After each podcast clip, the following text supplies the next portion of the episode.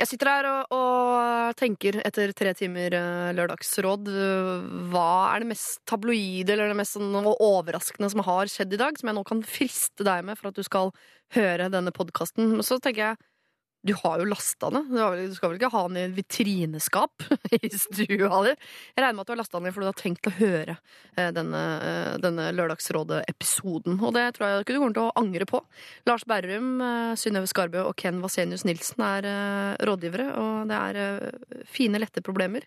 Det er mye ljuging i dag, og så henter vi oss heldigvis inn mot slutten der noe litt alv alvorlig problematikk, hvor vi klarer å være den motvekten til en konfliktskyhet som jo Lørdagsrådet skal eh, være. Så uh, kos deg, da, du, og hiv deg gjerne inn i debatten på Facebook hvis det er noe du mener mangler i uh, rådgivningen, rådgivningen som uh, gis. God fornøyelse. P3. Dette er Lørdagsrådet med Siri Kristiansen. På P3. P3. God morgen, du hører på Lørdagsrådet. Klokka den er snart sju over eh, ni, og vi har allerede rukket å få med oss eh, Quabs og denne walk-låta hans. Eh, Jeg tenkte jeg skulle starte i dag med å snakke litt om avstand. Avstand er jo et av de problemene vi ofte må prøve å løse her i Lørdagsrådet. Ikke rent geografisk, men sånn følelsesmessig. Fordi folk er alltid usikre på om de får et avstandsforhold til å funke. Og jeg er kanskje en av de største skeptikerne til avstandsforhold der ute. Jeg har aldri hatt trua på avstandsforhold, eh, men det er selvfølgelig fordi jeg tar det ut fra mine følelser. Det hadde ikke funket i mitt liv. Men allikevel, til dere som sender inn avstandskjærleiksproblematikk, så får dere ofte backing og støtte på at jo, jo, dette går, og dette kommer til å funke og sånn. Men jeg har fått litt sånn avstandsfølelse eh, Eller jeg føler at jeg er i et avstandsforhold selv om dagen. Det er litt derfor jeg vil snakke om det. Eh, Det vil jo bare si rett og slett at lokføreren han har fått munnsår. Eh, og ikke, dere må gjerne bagatellisere og le av det, men bare det lille munnsåret skaper altså en slags geografisk avstand mellom oss. Fordi det betyr at vi kan ikke kline. Vi kan ikke ha det eh, god morgen-kysset, det eh, ha det bra på jobben-kysset, hei, velkommen hjem-kysset, eller natta jeg går og legger meg-kysset. Altså de fire grunnkyssene vi pleier å ha i løpet av et døgn, da, som utgjør et minimum for hva min kropp trenger av kos i løpet av et døgn, den er ikke der. Og jeg merker det er litt skummelt at munnsår nå i kanskje en uke. Og én uke uten det der minimumet av øh, kyssing gjør at det, altså det har skapt en slags sånn splid i forholdet. Og det er skummelt, for jeg merker at det som først da eh, skjer, er at jeg blir øh, inneslutta. Jeg blir ganske sur. Øh, og stillheten kryper inn i forholdet. Jeg har blitt helt stille. Vi kommuniserer overhodet ikke. Og det andre som forsvinner da, det er rausheten i forholdet. Jeg har null å by på i forhold til eh, lokføreren om dagen. Så når han nå i går fant på å bli forkjøla, altså mannen fikk feber i en alder av 44 år, så tenkte jeg det er så typisk. Jeg, ble, jeg var ikke noe sånn 'Å, stakkar, legg deg ned. Herregud. Jeg tar det, jeg. Jeg kan hente vann og jeg lager middag og slappe av. Ikke tenk bare sov og bli frisk, sånn som man vil at folk skal si når man er syk. Jeg tenkte sånn Så typisk. Ja, det passa vel fint nå. Som jeg har holdt på å styre, så kan du bare legge deg ned. Og reagerer da med å reise inn til Oslo i dag, sitte her og kose meg i tre timer og gjøre det jeg liker aller best, nemlig snakke på radio, for så å bruke resten av dagen på å ha venninnemaraton. Jeg skal være så mye sammen med venninnen min i dag, så komme hjem timevis etter at ungen har lagt seg. Selv om jeg veit at han, hak- altså han hopper rundt ute i Follo der med nesa full av snørr og kjøttsår i munnviken og feber som ikke ligner grisen. Så sitter og godter meg inn i Oslo. Og det En uke tok det før stillheten hadde krøpet seg inn i forholdet, og rausheten var fullstendig borte. Jeg bare nevner det som en slags lykke til til dere som tenker at øh, ja, ja, jeg i Bergen og deg i Australia skal vel ikke bli noe problem. Kan bli et problem. Jeg bare nevner at det kan komme til å bli et øh, problem. Heldigvis så skal jeg komme hjem sent i dag, eller kanskje i morgen. Halen mellom beina. Jeg skal krype. Jeg skal være så grei. Jeg skal massere, suge, sleike, melke. Det skal være jeg jeg skal hente vann, jeg skal steke pizza, jeg skal legge barn, jeg skal vaske rumpa hans hvis det er det han trenger. Og jeg skal si unnskyld. For unnskyld, det er jeg ganske god på. Og husk det, da. Hvis du er god på å si unnskyld, så kommer du langt. Men ikke, på ingen måte bruk det på noe tidspunkt. Tør du å sende ditt problem inn til eh, meg eller oss, som vi straks eh, blir, så gjør det, da. Adressen hit er eh, lralfakrøllnrk.no.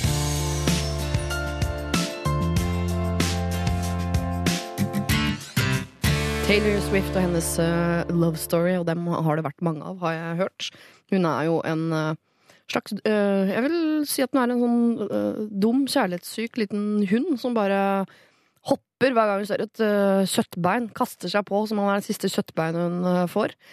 Så går det på en smell, da. Fordi eh, bak de små slintrene av deilig, deilig rått kjøtt, så er det jo bare et hardt bein, og det kan du ikke bruke til noe annet enn å grave det ned og begynne å lete etter noe annet. Sånn er det, Taylor. Kjærligheten er eh, tøff hvis man leiter etter bein der ute. Vi har eh, prøvd å hjelpe mange opp igjennom med eh, blant annet, eller ganske mye kjærlighet, egentlig. Og for en stund siden så fikk vi mail fra en eh, jente som lurte litt grann på om hun ikke skulle begynne å, date eksen igjen. De hadde vært sammen i fire år, men det var syv år siden. Begge hadde hatt kjæreste etterpå. Og nå hadde de møtt hverandre igjen, vært sammen to ganger, hadde vært litt flørting. Alt var der, men det var mer modent, og hun lurte på hvordan hun skulle få dette eh, over i en slags datingfase. Om hun, hvordan hun skulle få til at de klina istedenfor å bare prate, og så. Og eh, Vanligvis er jeg også, eller har en sånn sunn skepsis til det der med å date eksen igjen. Det er ikke sånn at bare fordi eh, man har fått litt tid eller avstand, så er ting bra igjen. Det er en grunn til at man gikk fra hverandre. Men måten hun beskrev Stian på, eller Stian-følelsen som hun snakket om, gjorde at jeg hadde så trua på dette her. Hun skrev vi var et team. Vi var stolt av hverandre. Vi godtok hverandre. Det var han jeg ville lage middag til, selv om jeg ikke ville lage middag. Det var han jeg ville fortelle historier til. Jeg ville inngå kompromisser med han som ikke gagnet meg selv. Jeg tenkte jeg, herregud. For en Altså, Stian. Han må vi få tak i. Synnøve Skarbø var rådgiver eh, den gangen, sammen med Ken Vasenius Nilsen, som hun jo pleier å være rådgiver sammen med, og også Line Verndal. Og de hadde disse rådene å gi. P3. Jeg tenker, Hvis du kan si det der om en mann, Mm. så må du få tak i han. Ja, han virker, Jeg vil Til å gjøre noe mer enn å vaske opp. Altså, Ja. Så jeg også pleier å være skeptisk til eh, eksen. La eks være eks. Men her han, Stian er for god, altså. Hvis en mann er keen, så skjønner du det. Men ikke ta opp sånn OK, hør her, Stian, vi er nødt til å snakke. Ikke ta den praten. Nei. Det ødelegger alt. Ja, du må bare ha det gøy. Ha det gøy. gøy. Jeg ser for meg at Når han tenker på henne, så er det ikke bare moro. Så jeg, Det er sikkert en slags oppgave for henne å bevise for han at de kan bare ha det moro sammen. Eller så kan hun rett og slett drikke seg full og si det, da. Det er nok også et triks som Ja. alltid Det funker. funka for meg. Ja. Jeg tror det er lurt at de kliner snart, fordi selv om alt virker veldig riktig, så merker man idet man susser om ting er feil. Ja. Ja. Eh, og så vil vi vite hvordan det går. Er ikke dere også nysgjerrige på Jo, det går med. Stian Jo, og jo, jo, jo. mystiske kvinnen? Jo. Jeg Og har lyst på den Stian-følelsen, jeg òg. Ja. er det? Og hvis det ikke funker mellom dere, så send han videre til Line, for hun har også lyst på litt Stian. Dette er Lørdagsrådet På P3. P3. Kjære Siri og resten av Lørdagsrådet, skriver hun eh, nå. Tusen takk for kjempefine råd angående eksen. Og gjett om jeg ble stolt da du sa at min beskrivelse av kjærligheten var på topp tre av én milliard mail du har lest. Jeg fatter ikke at jeg ikke har skjønt det før, men selvfølgelig er det jo bare å la det gå sin gang. Vi tok den ølen, vi endte opp med å dra på fest med den nye vennegjengen hans samme kveld. Han ble drita full, og jeg så mitt snitt til å få klina litt. Null stress. Han var med på, med en gang, og virka så lykkelig at jeg fikk dårlig samvittighet for den merkelige følelsen jeg hadde om at dette ikke var helt riktig allikevel. Skulle hørt på Siri der, altså, men nei da. Vi fortsatte i flere måneder, vi. sov hos hverandre, spiste middag sammen, lå tett i sofaen, så på film, osv., osv. Men uansett hvor bra kjemi vi hadde på prating og humor, så føltes det aldri riktig å gå uh, over på verken klining eller noe mer. Det føltes rart. Uansett mye jeg prøvde å overbevise meg selv om at det kom til å ordne seg. Og vi prata egentlig aldri ut om dette, men slutta etter hvert bare å overnatte og kose når vi hang sammen. Og nå er vi over i å henge sammen som vanlige venner igjen. Det er godt å ha han tilbake i livet mitt, men det blir verken barn eller ring på fingeren på Stian og meg. Men dere hadde rett, den gutten er virkelig for god til å ikke prøve. Søren òg. Nå veit jeg i hvert fall at, jeg, at det ikke trenger å være så komplisert, og jeg skal sørge for å ha ti til tolv kondomer klare til jeg virkelig finner Stian-følelsen igjen. Bra. Eh, Jeg skulle ønske jeg vet hva du Jeg kaller deg Marianne. Marianne og Stian høres så fint ut, og jeg er sikker på at du får Stian-følelsen igjen. Både altså der nede og der oppe. Dette oppe. Christian Christensen var det, eh, altså vinneren av årets eh, Urørt. Eh, Lyset heter låta. Han er årets Urørt. Han er ikke vinneren av årets Urørt, han er jo det også, men man heter vel rett og slett det. Hei, jeg heter Christian, jeg er årets Urørt, tipper han går rundt og sier. På eh, tirsdag, tror jeg det var, på Lørdagsrådet sin Facebook-side, så la jeg ut en gåte. Eh, hvor dere kunne få lov til å gjette på hvem som skulle være rådgivere her eh, i dag. Jeg skrev Gutta har usannsynlig mange r-er og b-er i navnene sine til sammen, og skriker du hjelp foran det ene, vil folk løpe. Dama er som en pose godt og blanda, bortsett fra det der med salt. Hun gir alltid gode råd her i Lørdagsrådet, men er mer kjent for å ønske at du går på trynet, gjerne i krem eller gjørme. Den som gjetta riktig, var den som gjetta først. Det er ganske godt gjort. Så han Jonathan Esbjug og gjettet på Hans Olav Brenner, Lars Berrum og Synnøve Skarbø. Nå er det ikke de tre som er her i dag, fordi eh, folk begynner å spy, ting skjer. Eh, Men eh, altså, Hans Olav Brenner spyr, da. Og isteden så har du, Ken Vasenius Nilsen, kommet Ja. løpende til som vanlig. Det er veldig greit, fordi jeg bor jo rett ved siden av eh, Lørdagsrådets lokaler. Ja. Eh, Så jeg kan i løpet av en femminuttersperiode gjøre meg klar for sending. eh, Komme gønnende bort her uten at det affekterer dagen min på noe som helst negativ måte. Mange tror jo at du bor her på NRK. Ja, jeg gjør jo nesten det. Ja. Jeg er jo her hver eneste dag i nesten åtte timer. Mm. Og så bor jeg rett ved siden av, så jeg kan komme bort når som helst. Ja, det er bra, Bortsett fra at du er ofte litt sliten etter en lang, hard natt med Fifa. Ja, jeg hadde faktisk en ganske lang og hard natt med Fifa i går. eh, Fram til klokka to.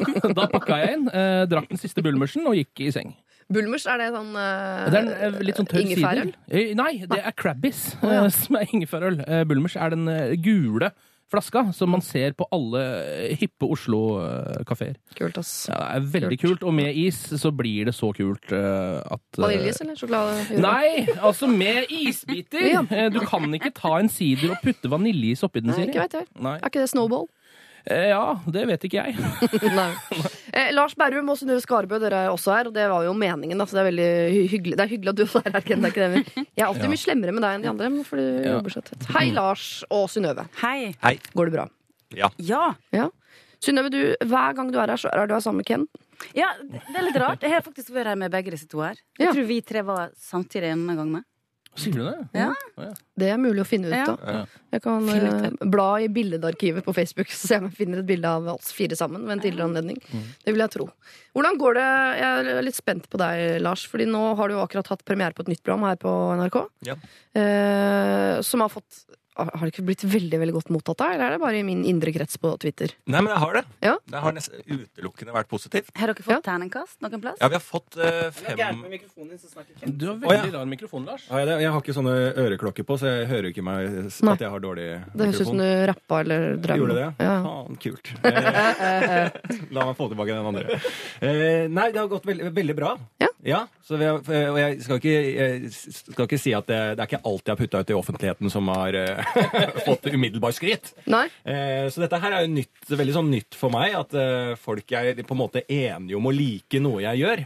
Og det, det syns jeg var litt skremmende, men også veldig hyggelig. Men hvor mye deiligere er det versus forrige gang hvor du og Martin prøvde dere, som også var godt likt, i hvert fall min indre krets, men ikke der ute. Ikke sånn hardt elsket. Nei, det, eh, det, var, det er litt annerledes det, når du hele tida må At du eh, i én uke liksom må svare på Dagbladet som skal lage eh, hver dag en negativ sak. Ja. Det hvor er jo slitsomt. er, liksom. Ja, Ja. liksom sånn der, nå har vi snakka med x antall folk og funnet ut hvor ræva du er. Mm. Hva har du å si til det? Mm. Vi lager han en poll på ræva der. Gikk det skikkelig inn på det forrige gang, når dere fikk masse kritikk? Nei, vi var liksom Vi var litt forberedt på det. Vi var jo litt for, altså det var, vi visste jo, vi lagde ikke et bredt program på TV 2, Nei. eh, så vi var jo litt sånn eh, forberedt på det. Så det gikk ikke så veldig inn på meg, men man merker trøkket. Det kan jeg helt ærlig innrømme. Men Ja. Sist gang så ringte jo iallfall Dagbladet til deg. Har du gjort det denne gangen? i det hele tatt? Nei, nå har ikke Dagbladet vært, eh, har ikke nevnt noen ting, det. Nei, de er ikke så opptatt av det når ting går bra. Så det er hyggeligere når det går skikkelig dårlig. Ja. Prøv nå om det er Rapper jeg fortsatt nå? Oh, det smalt godt i den, altså. det smeller. Oi, er Det det, er en, da har vi tre mikrofoner på fire personer i dag. Det kan bli tre interessante timer. ja, men jeg og Ken deler mikrofon her borte nå. Ja, Er er ikke det det går koselig? fint. Det er som en duo. Ja? ja. Vi kan være et tohoda troll her borte. Ja. Ja. Så det er Takk. bare koselig. Eh, Prøv å få inn den følelsen som jeg så at de to eh, svenske journalistene på Skavlan hadde i går, som satt 47 dager i fangenskap sammen i Syria. De var veldig ekstremt sånn eh, samstemt. Ja. Hvis dere prøver å få inn noe av den følelsen. Tenk at dere har, sittet, at dere har sett hverandre naken osv. Bare Det litt har med jeg det. har sett Lars naken, men du Har har du? vel ikke sett meg naken? Nei, det tror jeg ikke. Nei. Nei, det er ikke for seint. Synnøve, er det er det bra eller dårlig i livet for tiden? Du, jeg vil si jeg vil gi det et Altså, siden vi snakker om terningkast, ja, en treer. Tre? Tre, tre til fire, kanskje. Hva som mangler? Altså, det er vel kanskje litt mye hverdag Ja. i livet mitt akkurat nå. For du er mer glad i fest eller reise eller hva? Helg. helg? Skulle gjerne ha bytta. Altså, to dager hverdag og så fem dager helg. Ja. Ja. Men kan du ikke ordne det? Jo da. Ja. Det er straks, straks oppe og nikka igjen. Bra. Eh, si fra hvis jeg kan hjelpe. Send oss en mail. Eller alfakrøll.nrk.no. Hvordan får jeg vekk alle hverdagene? Sivil status da, Synnøve? Er det som før? Den er som før. Ja. Ja. Med- Oppfrisk meg. ja. Eh, kjærest, ett barn. Jente som nå har blitt Jente som blir tre år om to uker. Har dere fått flytta? For det drev du og bala med sist du var her. Drev du og la en gud og holdt på? mention the war. Nei. Bor fortsatt samme plass. Ja. Så hvis noen, vær så snill, der ute har en, et hus Men det er da Med masse hage. hus der Ja. ute. Men du vil ikke betale noe særlig penger for det? Der. Jo, det vil jeg, men jeg vil helst bo så sentralt som overhodet mulig. Helst på Briskeby. Et hus på Og der- Briskeby. Ja, og der Ja. får du Du får ikke hus på Briskeby for, det, for min økonomi. Nei, er ikke det sånn Aksel Hennie og Tone Damli kjøpte vel hus på Briskeby i sin tid? Er det ikke litt Ja, der det vi tror er jeg koster økonomisk? 15 mill. Og det har ikke du liggende? Nei. Sånn er det. Eh, hva med deg, Lars? Sivilstatus? Ja, jeg er fortsatt kjæreste. Ja. Eh, Det som er nytt, er vel at hun har fått jobb. Nei, men har dra jobb, liksom, så- er men- Nei, ja, men hun har fått sånn fast jobb nå. Ja. Eh, Så hun jobber litt med, med lukt nå. Før så jobba hun liksom med, med bøker og i bokbransjen. Ja. Eh, og nå har hun skifta til lukt. Så det som har skjedd med Ja, duft, da. Altså godluktbransjen? Ja, ja. Så det som har skjedd med meg også nå, er jo at jeg går rundt og er nokså oppe og gosser hva gjelder lukt. Så jeg har plutselig på meg en eh, lærlukt. Altså det lukter lær av meg, som er ganske spennende. Hva sa du? For at folk skal få lyst til å ligge med deg. Eller? Hva sa du? Nei, nei men hun, eh, hun jobber med innkjøp eh, på Kix Å ja. Skjønner. og duft. Ja. Eh, så, nå, eh, så nå har jeg, jeg har aldri vært så eh, sånn luktende mann. Nei. Men nå er jeg luktende mann, og litt sånn spennende. Plutselig kan det være lær. I dag er det litt mer sånn granbar. I dag, Ja. er, jeg, i dag er jeg bare litt sånn uh, skau. Men Så eh, innmari Harvest og moderne, da. Går Gå rundt og lukter sånn. ja, er Bo midt i Oslo, liksom, og eh, har kaffe latte i årene, men skal lukte gran. Det er tømmerhoggerseksuelt, og det er veldig ålreit. Ja, så jeg føler at jeg, det har gitt meg også Jeg har også fått et lite eh, gevinst pga. den eh, jobben hennes. da Ja, Så deilig, da. Mm. Men lov meg en ting at ikke du går i muskfella. Hva hva er det? Det er en av den beste lukta av det. Ja. det? Lukter så vondt. Mener Liker du du musk? Jeg eh, Den tida jeg brukte parfyme, det er faktisk kanskje 20 år siden, så gikk det kun i musk. Musk? Ja, men jeg har hørt at musk er veldig bra, er det ikke det? Jeg Ashley. syns jeg lukter så vondt, jeg. Ja. Da lukter jeg sånn Å, du lukter egentlig bæsj, du, men du prøver å dekke det til. Nei, For det lukter litt sånn offentlig toalett. Unnskyld. Jeg er veldig glad vi ikke Men Hva slags parfyme bruker du, da? Bruker vel sånn eh, Jeg bruker eh, Jeg har fått den gamle parfymen til Sigrid Mondesvik. jeg har det ikke i meg å bruke penger på sånt. Nei. Men jeg, jeg sprayer. Jeg sprayer alltid halsen hver morgen. Mm. Og, og når jeg skal trene, så sprayer jeg faktisk litt på tissen. Det innrømmer jeg. Gjør du det? Når Ja, jeg skal syns trene? sånn eh, trent, trent tiss lukter Ja, så men Tenk vondt. du på deg parfyme før du skal på trening? Parfyme på tissen er utapå tights. Hvorfor? Man pleier å lukte surt av sånn fitta eh, Ja, Hvis man blir svett på tissen, det, ork, det vil jeg Også ned i knebøy. Også, det, det orker jeg ikke. Ja, men Parfyme hindrer nå ikke svette. Ja, til en viss sånn som på den offentlige toaletter, hvor du tenker sånn Ja, det lukter urin her, men det er noen som har prøvd i hvert fall å hjelpe til med noen sånne små tabletter eller et eller Men det vil si at du prøver altså da å gjenskape lukten av musk som du egentlig ikke liker? Nei, ikke, jeg bruker ikke muskparfyme da. Da bruker er jeg eksempel eh, vanilje eller uh, jasmin eller Eh, ja. de tingene der. Kanel. Ja, men det, jeg, jeg, er litt, jeg, jeg støtter det, jeg, at man sprayer litt sånn. Jeg har noen ganger tatt sånne på buksa òg. Ja, ja. Men jeg- så Er ikke det litt sånn at gammel svette blir som ny på en måte, når du tar på parfyme utapå? Hvis man lukter sånn som har syntetiske klær som lukter kattetiss, det er ikke noe vei tilbake. Nei, da er det bare å kaste deg, faktisk. Jeg syns Ja. kanskje at Lars burde sjekke med kjæresten sin hvilken duft som passer best til å blande med eh, litt sånn svett vaginalukt. Sånn at du Ja, kan få sånn den perfekte, ja, Ja. perfekte parfyme til dine treningsøkter. Ja, ta Finn ut av det. Vi er tidlig inne på noe greier her i Lørdagsrådet i dag. Det er aldri for tidlig å snakke om sinna tiss. Eh, Ken, sivil status. Eh, Jeg er single and red to mingle. Det har du blitt singel? Det har jeg aldri sagt før. Det var jævlig vanskelig å si. Ja, det var Det vanskelig. er out, det er out of character. Ja, det var vanskelig, det var vanskelig, det er et vanskelig øyeblikk for alle. Vil Men er du, skal jeg redde de i land, eller vil du gjøre Ja, det Kan sjøl? ikke du dra det inn, da? Det hadde vært deilig hvis jeg bare kunne det. Fortsatt å svømme litt her ute. Men i dette minglelandskapet som du er eh, eh, beredt til å kaste deg ut i, hva, Mm. hva er det som finnes der? Er det Høy, lav, tjukk, tynn. Eh, lav og, og tjukk er det jeg er ute etter. Helt klart. Litt som meg. Ja, ok. Eh, um. Men det burde være mulig å dra i land. Alle litt overvektige eh, folk under 1,50 der ute eh, burde ta kontakt med meg per Facebook, for eksempel. Ja. Der er jeg. Der er du nå. Ja. Det gleder jeg meg til å, å følge med på, rett og slett. Så Det, men det er veldig bra, at, fordi det er ofte Lørdagsrådet er satt sammen av mye satte folk. Folk som er eh, gift og i samboerskap og unger og har liksom hele den derre uh, pakka. Ikke spør meg hvorfor de kaller det en pakke, for det er ikke alltid det føles sånn.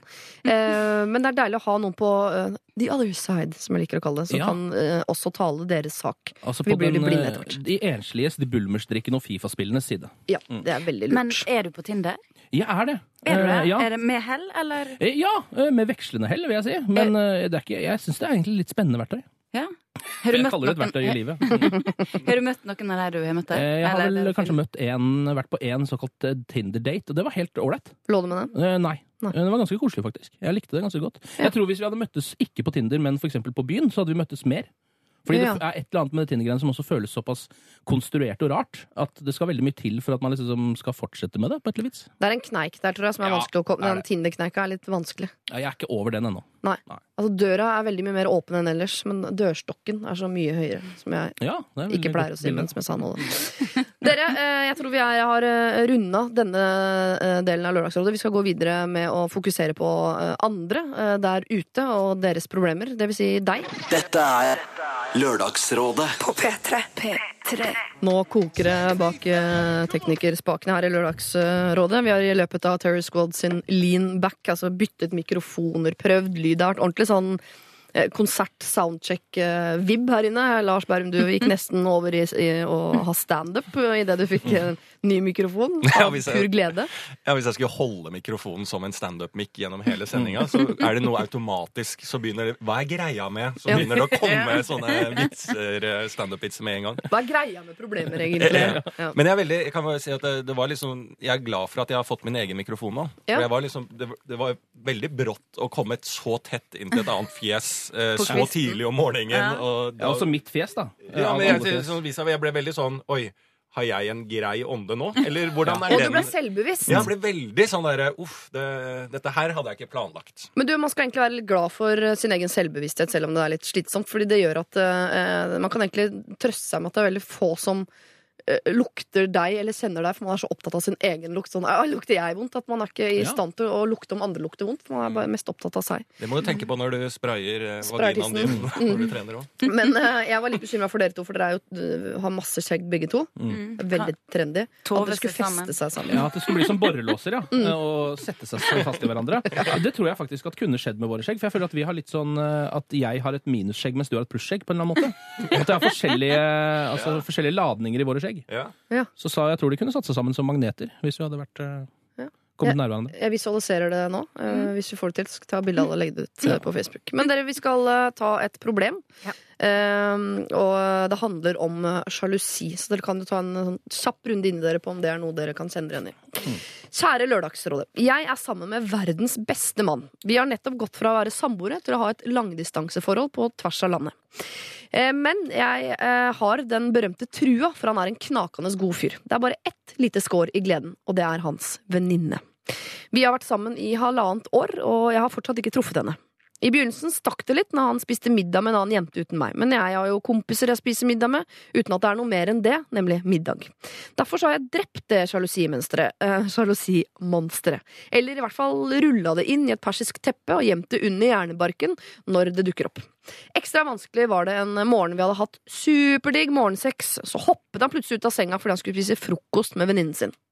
Likevel har jeg oppført meg kulere enn kulest, nonsjalant og litt supertillitsfull, men en dag gikk jeg forbi soveromsdøra, og jeg hørte han le. Kjæresten min hater å snakke i telefonen, og selvfølgelig vekte da nysgjerrigheten min, så jeg spurte i en hyggelig, ikke-anklagende tone. Hvem snakket du med? Det var venninnen. Sjalusimonsteret kom seg ut av det persiske teppet, brøyta seg vei gjennom hjernebarken, og plutselig spurte jeg hva er greia? Han ble kjempeoppgitt og svarte at han ikke gadd å snakke om det. Noe umodent spurte jeg derfor hvordan han hadde reagert dersom jeg hadde ligget med han for deretter å stikke og spise frokost med en fyr han aldri hadde møtt. Siden har vi ikke snakket om det, men eh, det Jeg har jo ikke sluttet å lure på det av den eh, grunn. Det jeg lurer på, kjære rådgivere, er om det er helt på trynet at jeg reagerer på at kjæresten min nekter å snakke om denne dama. Jeg tror absolutt ikke at det er noe på gang mellom dem, eller at han vil finne på å være utro. Jeg bare lurer på hvem hun er. Hvordan kan jeg ta opp det med kjæresten min uten at det oppfattes som anklagende og klagete? Hilsen Line, sjalusimonster, som nekter å dø 25 år. Mhm. Så her, altså, dette med avstand er bare eh, litt sånn krydder.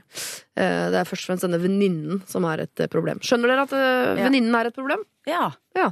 Det skjønner jeg, men jeg syns det er et, et eh, veldig logisk og innlysende svar på det. Ja. Hun må treffe henne. Med en gang, fortere enn svint.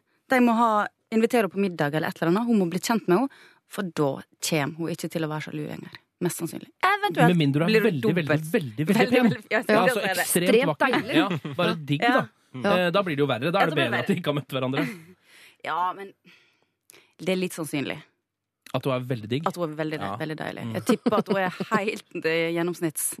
ja, det Kan jo være at hun er super, superdeilig. Ja, det kan jo. Ja. Ja, de fins jo, de. Men jeg, jeg også tenkte det at de bør Det er rart at ikke de har møttes også, Mhm. men eh, jeg har ikke noe umiddelbart behov for å introdusere alle mine gamle guttekompiser for typen. Det er ikke alltid noen ting Det er ikke alle venninner som har møtt typen heller. Tenker, Mm. Hvis han ikke liksom gjør forskjell på om han har jentevenn eller guttevenn, så, så tenker han vel ikke at det er nødvendig, da.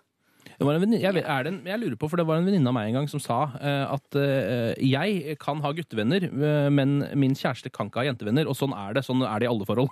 Hun. Var det jeg som sa det? Nei, det var ikke du, men det kunne ha vært deg. Er det noe i det, mener du? Jeg, Og hvorfor er det sånn? Det- syns jeg er en litt rar Jo, eh, det, er logikk. det er urettferdig. Og jeg skulle ønske vi levde i et samfunn hvor det var sånn eh, At det var helt ett fett om det var jentevenner eller guttevenner. Det var bare venner. Jeg skulle ønske at det var sånn, for i min verden er det litt sånn. Jeg har jentevenner og guttevenner. Og det er ikke, I mitt hode så er det ikke noe forskjell på det. For jeg vet at jeg har aldri lyst til å legge, ligge med kameratene mine. Og jeg blir Mm. aldri venn med folk jeg ligger med. Eh, men det kommer an på hvem du er sammen med. Jeg ville antageligvis aldri ha falt for en mann som var en sånn fyr som hadde venninner. Å, for det er en egen kategori av folk. Ja, er det- Ja, for det fins jo sånne gutter som er sånne gutter som har masse venninner. Ja, jeg har det, tror jeg. Ja, Lars ja. Da er jeg som regel homo. Nei, ikke nå lenger. Er Syns ikke det. Altså. Det kommer litt an på hva man jobber med. Og sånn. Jeg, tenker det, jeg er sjalusi nok til at jeg hadde blitt usikker av det. Så da hadde jeg styrt unna. Ja. Derfor har jeg valgt meg en fyr som sitter helt aleine foran i et tog og har stort sett mannlige kollegaer. Men hadde ikke du tillatt ei lita venninne en gang, sånn som han der? Eh, hvis de var venninner fra før av, kanskje. ja, det, og jeg likte nå henne. det de er her, selvfølgelig. Jeg tror det det, da? Jo, jo, de er Det er venninner fra før. fra barneskolen. Ja, for jeg, jeg, Jeg føler, treffe henne. jeg føler i det problemet her, da, så føler jeg at det jeg, det jeg syns er fint, er at de har sånn grunnmur. Det liker jeg veldig sånn godt i forhold. At det Ja. er sånn grunnmur av tillit. Mm. Eh, sånn at hun er, det er ikke det at hun er bekymra for at han er utro og den type ting. Så det er jo et tegn på at de har en veldig sånn eh, fin grunnmur da, Ja. sammen. At man stoler på hverandre. Så det syns jeg er gull.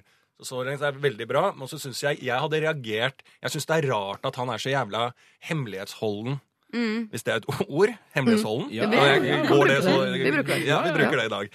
Eh, jeg syns det er så rart han er så hemmelighetsholden eh, eh, eh, rundt eh, hun dama. Ja. Fordi det er det eneste jeg ikke skjønner. At han bare At han liksom Jeg føler at han sier sånn Nei, drit i det. Jeg, må, jeg bare prater. At han mm. Ja. eh, liksom ikke gir informasjon på det. For det er det eneste jeg ikke skjønner her. Og Kan det det bør det han gjøre, og det Ja. fortjener hun å få. Enn bare sånn Nei, hun har jeg kjent så og så lenge. Hun heter det. Kom, se på henne på Facebook. Jeg er Ja. selvfølgelig venn med henne. Sånn ser hun ut. Ja, hun er dritkul, bla, bla, bla. For hun dama som sender inn spørsmål her, hun er jo rå. Hun har jo ikke noe problem med at han har en venninne. Men selvfølgelig blir problemet når han er idiot. Men Enig. kan det være at de har hatt et forhold før? Han og hun venninna. Absolutt. Det kan jo selvfølgelig hende. Eh, jeg håper jo ikke det, da, for det gjør jo ting litt vanskeligere, vil jeg påstå. Hvis de har hatt en tone før. Jeg kan legge til også, det sto i mailen, jeg har eh, valgt å ta det Vi har kortet det litt ned. Eh, hun kjøper presanger til han når hun er ute og reiser, for eksempel, som han får. Og det jeg bare tenker Hvis du skal behandle alle venner likt Jeg bare jeg føler at Han behandler jo ikke venninnen sin likt som kompisene sine. Fordi, nettopp som du sier, Lars, Mm. han skal holde det litt hemmelig og ligge på Mm. senga og ler og spretter opp etter sex for å spise frokost med henne. Og jeg, bare, jeg, jeg hadde, altså, jeg er litt hadde rulla ut det persiske teppet noe så innmari og fått ut sjalusimonstre. For Jeg syns ikke hun jeg, jeg synes det er fint at man prøver å holde sjalusimonsteret litt i sjakk. Jeg syns godt hun kan være åpen om det. Ja, ikke pakk, ikke pakk Enten må du pakke det bort, eller så må du pakke det opp.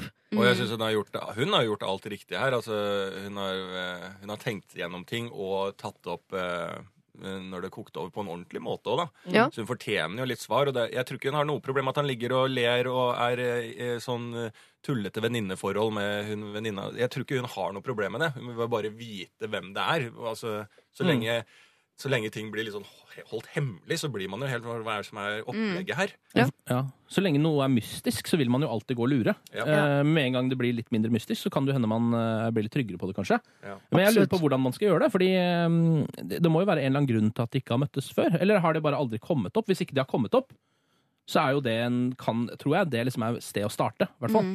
Ja. Eh, og dra ut på en liten eh, Kanskje du kan hooke opp denne dama med en eh, kompis av deg og kjøre en double date, og så kan dere stikke og se hva som skjer.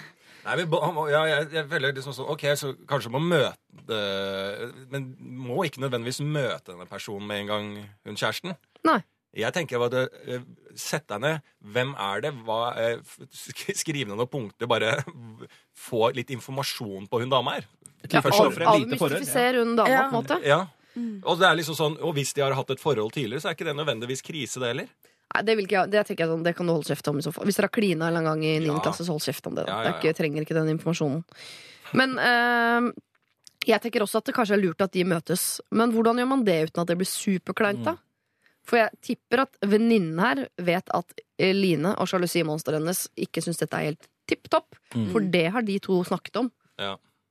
Og da blir den, det møtet der Det blir også ganske kleint. Kan, er det da, kanskje man skal ta med en dobbeltdate, for det er kleint uansett. Ja, og så får man spredt utover. Ja, kanskje hun har type, det vet vi ikke. Nei, det hadde stått. Det er jeg sikker på hun hadde skrevet. Ja, okay. Ja, for det er jo også litt av det som er litt rart i sånne situasjoner, er at eh, liksom eh, hvordan den andre parten, eller altså denne venninna, har det i forhold til menn, er jo også litt sånn viktig, på en måte. Ja. Altså Om hun er singel, eh, om hun har eh, kjæreste, om hun har vært keen på han fyren før. Sånne ting vil i hvert fall jeg tenke på. da. Om hun er det nå? Eh, ja, men er det nå? Ikke minst. Mm. Eh, men det får man kanskje ikke vite så lett. Men hvis hun har vært det før, så kan det jo fort skje igjen.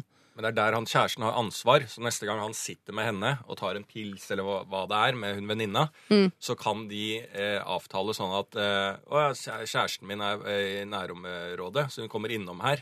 Ja. På vei hjem og tar et glass med oss. Mm. Så er det liksom sånn I tillegg så sier de at hun skal ikke være der hele tida, men kommer innom og tar et glass. Og så er det hyggelig, så kan man sitte lenger, eller så kan man bite av det og så ta krangelen hjemme, på en måte. Men da får du i hvert fall et førstemøte. Ja. ja. Men én ting. Det at hun kjøper gave til han når hun er ute på tur, Ja. det, Drit i det, ja. Nei, det hengte jeg meg opp i, kjente jeg. Ja. Er ikke det ålreit, da? Jeg har en venninne som kjøper gaver til meg nå ute på tur, og det er kjempeålreit. Ja, men du er fikk singel, Ken. Ja, jeg fikk Ja. en ja, mm, Ok, greit. Ja, for det, for, da følte jeg plutselig at hun var litt interessert i noe mer. ja men, Men eh, OK, glem det. Glem det. jeg klarer ikke å glemme det heller. Men jeg kan eh, Nei. pakke det inn i et persisk teppe og legge det under hjernebarken, selvfølgelig. Ja. Jeg mener at eh, det er jo det er fint at du skriver inn, eh, Line, men jeg skulle ønske at eh, kjæresten din hadde skrevet inn også, for det er egentlig han man har lyst til å snakke Ja. til. For det er jo han som sitter på ansvaret her. Fordi hvis det sjalusimonsteret fins, så er det uh, noe man må forholde seg til. Det er et samarbeidsprosjekt egentlig mellom Line og typen. Og han må gjøre henne trygg på at det ikke er noe grunn til å pakke ut det der sjalusimonsteret. At hun venninnen ikke er noe trussel. Altså, det går jeg ganske langt i når jeg, eh, med mine guttevenner, og hvis jeg får nye guttevenner og sånn nå, så beskriver jeg det ofte som stygge og uattraktive og snakker mye om dama deres og ungen og fy fader, jeg skjønner ikke det. Altså, jeg prøver liksom eh, Jeg baksnakker de litt, da, bare for å gjøre de eh, Bare for å gjøre de lite liksom skumle for min eh, kjæreste. Bare for at han skal få inn med en gang at dette her er ikke noe jeg trenger å forholde meg til. Jeg Er sjalu? Nei, han, er ikke, nei, han sier han er det, men jeg har ikke sett noe tegn på det. Han påstår han er det. omvendt. Ja, Skryte på seg selv og si. Jeg spurte hvor sjalu er du? Null til ti? Sju, sa han. Hva med deg? Fire, sa jeg. Jeg tror det er ganske omvendt, jeg. Tipper det er ganske omvendt, jeg. Men det er fint, det, da. Eh, hva skal vi si til eh, Line? Vi skal si til eh, Line at eh, Det er Hun har ikke full- rart. Ja, også full støtte. Altså, det er, hun, hun har ikke noe gærent her. Det er Nei, ikke rart. nei, nei, nei, nei. Det er helt naturlig at du reagerer, og jeg syns ikke du skal pakke det der sjalusimonsteret ditt så innmari inn. Ja. Det er fint at du på en måte er bevisst på at det ikke skal eh, få lov til å, styre alt, men dette må du og kjæresten din snakke om, og så er det kjæresten din sitt ansvar å sørge for at dette her ikke er noe trussel. Eh, om det er å, å vise han Facebook-profilen av denne dama, eller eh, om det er at dere faktisk må møtes bare til et glass vin eller til en hel middag. Ja, Det får bli litt opp til han, men han har som oppgave, bare fordi han er kjæresten din og skal bry seg om deg, så har han som oppgave å sørge for at du ikke trenger å pakke ut det der sjalusimonsteret. Og så håper vi jo da at hun dama er skikkelig stygg. Gjør vi ikke det? Ja, det må vi bare krysse Det må vi bare fingrene krysse fingrene for. Ja, ja, ja. Lars Berrum, eh, Ken Vasenius Nilsen. Hallo? Dere er rådgivere her i dag, sammen med Synnøve Skarbø. Og vi skal ta et kort problem fra Henrik. Jeg har leid en leilighet på Holmlia svart. Altså da, eh, ikke en svart leilighet eller av en svart mann, eller det, kanskje det også, det vet ikke jeg. Men eh, altså ikke noe kontrakt eller den slags. Eh, klarte ved et uhell å miste en treningsmanual i gulvet som har laget en stor sprekk. Utleier mener jeg skal betale eh, det det koster å skifte hele gulvet. Leiligheten er ellers grei, men mye jalla løsninger her og der. Syns dere jeg skal betale han, eller skal jeg be han kontakte advokaten min? Hilsen han Henrik. Gått i Holmlia-fella der. Ja. Ja. Eh, Leid svart på Holmlia, og så kommer en pengekrever. Er det sånn de pusser opp leilighetene på Holmlia? De får en utleier, håper, eller håper at noen ødelegger noe, skal de pusse opp alt? Ja. Shit. Jeg, jeg, vet, jeg kan for lite om sånt, jeg. Eh, så jeg skjønner ikke hvorfor jeg tar ordet engang. Det merka jeg nå. Ja. Ja, men dere, trenger ikke, dere trenger ikke å kunne noe om det, for det er helt sikkert regler, og vi kunne sikkert funnet noen forskrifter og i det hele tatt, men dette er svart. Ja. Ja. Eh, Og da forholder vi oss ikke til regler. Her Nei. forholder vi oss til mennesker. Så hovedpoenget her er da om han, eh, siden det er svart, så kan han egentlig bare gå bort fra det. Men skal han, om han skal liksom bruke samvittigheten sin eh, til å betale en hel haug med penger Ja. ja. Ja, for hele gulvet må jo fikses sånn eh, eh, Når det er en sprekk, så kan man ikke bare fikse én, Jeg ville fiksa det sjøl, jeg. én planke, liksom. Kan man gjøre det? Vil du? Ja, ja, altså ikke jeg personlig, men ville, jeg ville ska, eh, sagt at jeg fikser dette her, og så kontakter noen jeg kjenner Ja. som kan gjøre det billigere. Men hva er grunnen til at du ikke bare ville Er det, er det bare samvittigheten som gjør at du ikke bare ville stikke av fra hele greia? Uh, ja, nei, det hadde jeg ikke klart. Kan ikke gjøre Nei. det. Nei, kan du ikke det? Nei, skal du gå rundt og tenke på det resten av livet? At han kan, du, du kan treffe på han på Narvesen? Eller Ja, ja, sånn, ja. Jo, men det er et helt gulv, folkens. Det er ganske Ja, dyrt. det er jævlig mye en penger. Ja, men, fordi du er i en økonomisk det situasjon. Så kan han ta akkurat den planken som eh, ble ødelagt. Ja, det er jeg enig i at han kan uh, si sånn 'jeg fikser det', og så kan han, uh, hvis det er klikkparkett, så går det vel an å klikke, klikke, klikke tilbake til dit, og så ta ut den ene, legge gjør i, og så klikke er det er jeg usikker på. Jeg er veldig usikker på det der. Jo. Det høres ut som sånn der, hvis jeg hadde, jeg bare tenker når, hvis jeg hadde spurt en sånn snekkerkompis av meg Mm.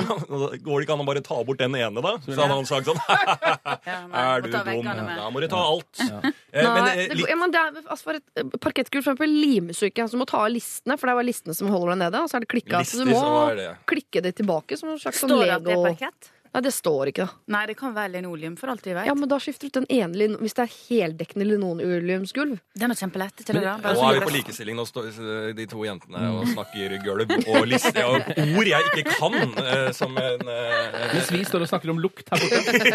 Så det, Men jeg vil si at det kan ikke ta uh, eh, eh, Det er sånn når man leier leilighet, uansett, så er det litt sånn bruksska, bruksskader. Eh, og det å miste en manual og få et lite sprekk i eh, gulvet, det må utleier forvente seg. Eh, spesielt når leie svart. Det som er skummelt når man begynner å leie svart Spesielt når leier svart. Spesielt ikke når han leier svart, tenker jeg. Hva da? At, eh, du skal stå, at du ikke skal være ansvarlig. Jo, jo, men, ja, det er det jeg mener. At eh, i hvert fall når en leier ut svart, så må en godta at det, det skjer noen bruksskader i leiligheten. Ja. Altså utleier. Ja, Ja, ja, ja. utleier. Ja. Ok, eh. Og, men det som er skummelt når det er svart, er jo og kanskje spesielt også på Holmlia. Ja. Eh, det, Er fordom mot Holmlia? Ja, det er litt sånn familier, tyngre miljø der. Mm. Eh, noen steder så er det liksom sånn eh, eh, Se an personen du leier av. Ja. Eh, det gjelder ikke bare på Holmlia, men sånn generelt når det er leid svart. Fordi at da kan du plutselig få sånn dørbesøk. tatoveringer på hodet, for eksempel. Eh, da ville jeg gått for å fikse opp i det gulvet. Ja. ikke tatoveringer på hodet. Stikk. Tenker, jeg. Jo, fordi hvis han får en sånn Nei, her skal jeg inn eh, Dette er eh, heltre eikeparkett, liksom. eh, Enstavs. Så her skal vi bare Det, det blir 50 000 kroner, det. Mm. Da tenker jeg sånn, vet du hva, da stikker jeg og leier et Men da annet sted. huslaus. Men jeg er litt interessert i å vite hvordan dette funker når man gjør det på den ordentlige måten. Altså Hvis jeg hadde leid og skrevet under kontrakter og betalt depositum hele pakka, og så mista en av de en sinnssyke manualene som jeg bruker for å trene bicepsene mine, eh, ned på gulvet, Ja. eh, og fått en sprekk der, hva hadde da blitt konsekvensene? Måtte jeg ha betalt hele gulvet da? Jeg tror ikke det. Nei, jeg tror, altså, det som skjer er vel at depositumet ryker, men det er ikke nok til å dekke et helt gulv hvis det er et dyrt gulv. Og det mener jeg også er, selv om det er svart, så må man forholde seg til noen av de reglene som finnes. At, Ja. Nei, han skal ikke dekke et helt gulv. Du hadde jo maks fått eh, tre ganger husleie eller sånn i depositum, da, og de kan du jo holde igjen. Men når du er så dum og lærer ut svart, så har du ikke noe depositum. Nei. Og vet du hva? Da har du ikke noe penger å holde igjen. Dumt for deg. Da får du kaste ut fyren, eller så får du la det gå.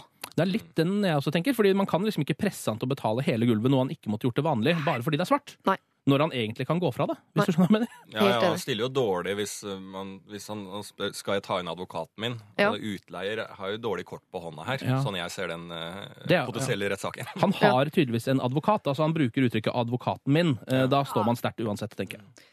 Ja, driver folk som har egne advokater og leier små leiligheter på Holmlia? Jeg vet ikke, altså, det høres med. ikke for å være Det fordomsfull, men jeg bare ja. Ja. Men Eh, hvis, dette har jeg brukt en gang før. Hvis du kjenner noen som jobber innenfor et eller annet advokat, eh, så, sånn at du kan få de til å skrive et brev, og så, er det, så står det liksom altså firmanavnet på brevpapiret, sånn at han får virkelig inntrykk av at her har man kontaktet en advokat, Mm. og sender det til utleier, så skal du se det blir tyst. Hvorfor kan han ikke bare bruke sin ordentlige advokat istedenfor å finne Ja, hvis han har ordentlig advokat, hvis ikke så må han ringe en sånn Ja. en fjern fetter da, som har studert juss, og så Ja. har han brevpapir hvor det står noe sånn eh, Naru og Partners Mm. eller et eller annet. og så sender han det av gårde til utleie. Det hadde jeg gjort. Jeg hadde satt hardt mot hardt. Mm. Det blir dårlig stemning, men de bor jo ikke i samme leilighet, så jeg vet fett det. De skal Nei, nei, ikke Må bare møtes. stikk, stikke av gårde. Han har alt på sitt rene, den som er leier her. Ja. Eh, Så bare hvis det Men bare, jeg anbefaler å se han litt. Eh, sånn hodetatoveringer og slags. Hodetatovering. Ja. Så ta, ta den. Ok. Henrik, da tror jeg vi har en oppskrift. Se an fyren du leier eh, av. Har han hodetatoveringer eller ikke? Det er en fin lakmustest å ta. Og hvis han har tatovert sånn lakmustest, da må du i hvert fall beinet. da må du beinet. Eh, og så tar du Du kan jo godt foreslå, hvis det er en leilighet du har veldig lyst til å bli boende i, så kan du foreslå at du kan bytte ut av den ene gulvplanken eller den ene linoleumsflisen eller jeg vet ikke hvordan gulvet det er. Hvis det ikke lar seg gjøre, at det er sånn, her er det 50 000 kroner eller ikke noe, vet du hva, så flytter du, eller så øh, kontakter du denne advokaten din eller en annen fiktiv øh, advokat og setter hardt mot hardt. Altså hardt mot hardt hvis utleier ikke har tatovering. Hvis han har, så beiner du eller finner ut av det på en annen måte. Lykke til! Jeg vil vite hvordan det går. Ja. Jeg vil vite hvordan gulv det er òg. Bare av sånn snekkernysgjerrighet. eh, Privat snekkernysgjerrighet. Send inn lralfakrøll.nrk.no.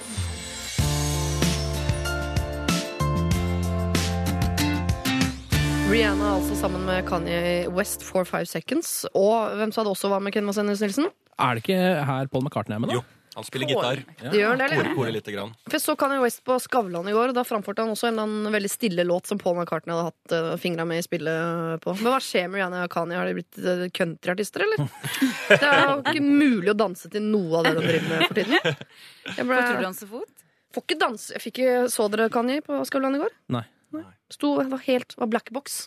Svart, eh, og så hvitt lys fra, eh, fra rett over hodet, som gikk fra å være firkant til trekant til runding og sånn. Sto han inni og hadde noe sånn contemporary dancing, sånn som man er vant til å se fra So You Think You Can Dance, Dance, Dance, mitt favorittprogram. Ja. Og inni der sto han og danset og sang en sang som visstnok moren hans hadde skrevet til hans datter. Og noe Paul McCartney og Det var så emo at jeg måtte nesten fram med gaffelen og inn i Men ble han hans. intervjua på Skavlan? Nei.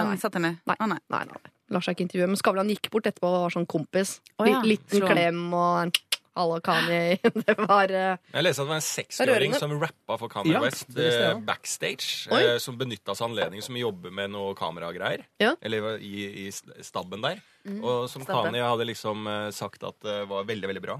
Ja. Oi, oi. Eh, så han skulle det? kontakten. Så hvis det blir et samarbeid med en 60 år gammel eh, Gaffer fra Ja. BBC Studios, liksom.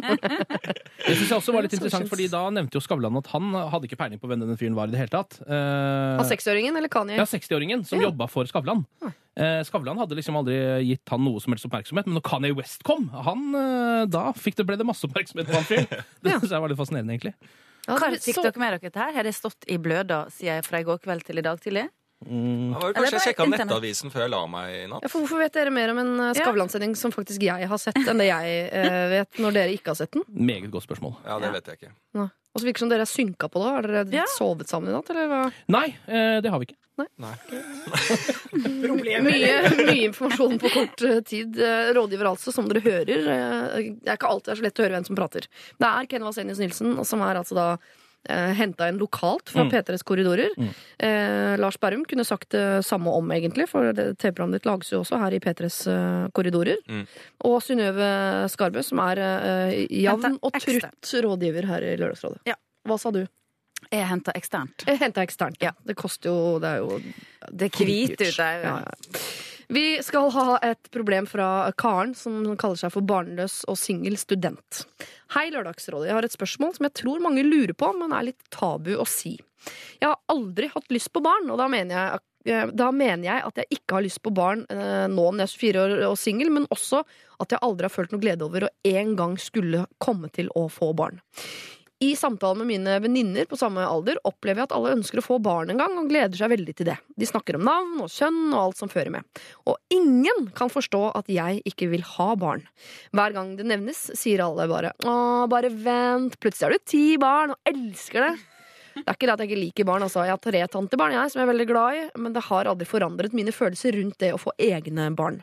Spørsmålet mitt er Kommer jeg til å endre mening? Om ikke, er det sosialt akseptert å ikke få barn? Er jeg i en alder hvor jeg bør ta dette opp med neste seriøse partner? Altså, Bør dette være en deal-breaker fra første date? Hilsen da Karen, barnløs singelstudent. Mange problemer her. Hun lurer på, eh, Kommer hun til å endre mening? Må vi ta stilling til. Er det akseptert å være barnløs eh, altså over all overskuelig framtid? Eh, og er dette noe hun liksom bør ta opp med gutter hun dater? Det er vel ikke eh, akseptert å være barnløs, eh, tror jeg. Eh, merker jo at jeg og Lars, for eksempel, vi er jo barnløse begge to. Eh, og folk syns jo vi er litt rarere enn dere to, for eksempel. Eh, så helt akseptert er det ikke. Nei. Eh, Det er ikke fullstendig, Vi har ikke kommet dit i samfunnet ennå at vi kan leve som alle andre mennesker. Eh, Men jeg tror ikke, eh, jeg tror ikke det er nødvendig å ta det opp med neste person du møter, f.eks. Jeg syns det er fortsatt litt for tidlig. 24 trenger ikke å gjøre det. Du kan vente 3-4-5-6 år med å ta det opp med neste partner. Eh, I hvert fall når du egentlig ikke er noe keen på det selv heller. Ja. Så er det ikke noe poeng i å begynne å problematisere det, syns jeg. Jeg er helt enig i det. Sånn der, når, hvis du er sånn dater når du er 36 år, tenker jeg det.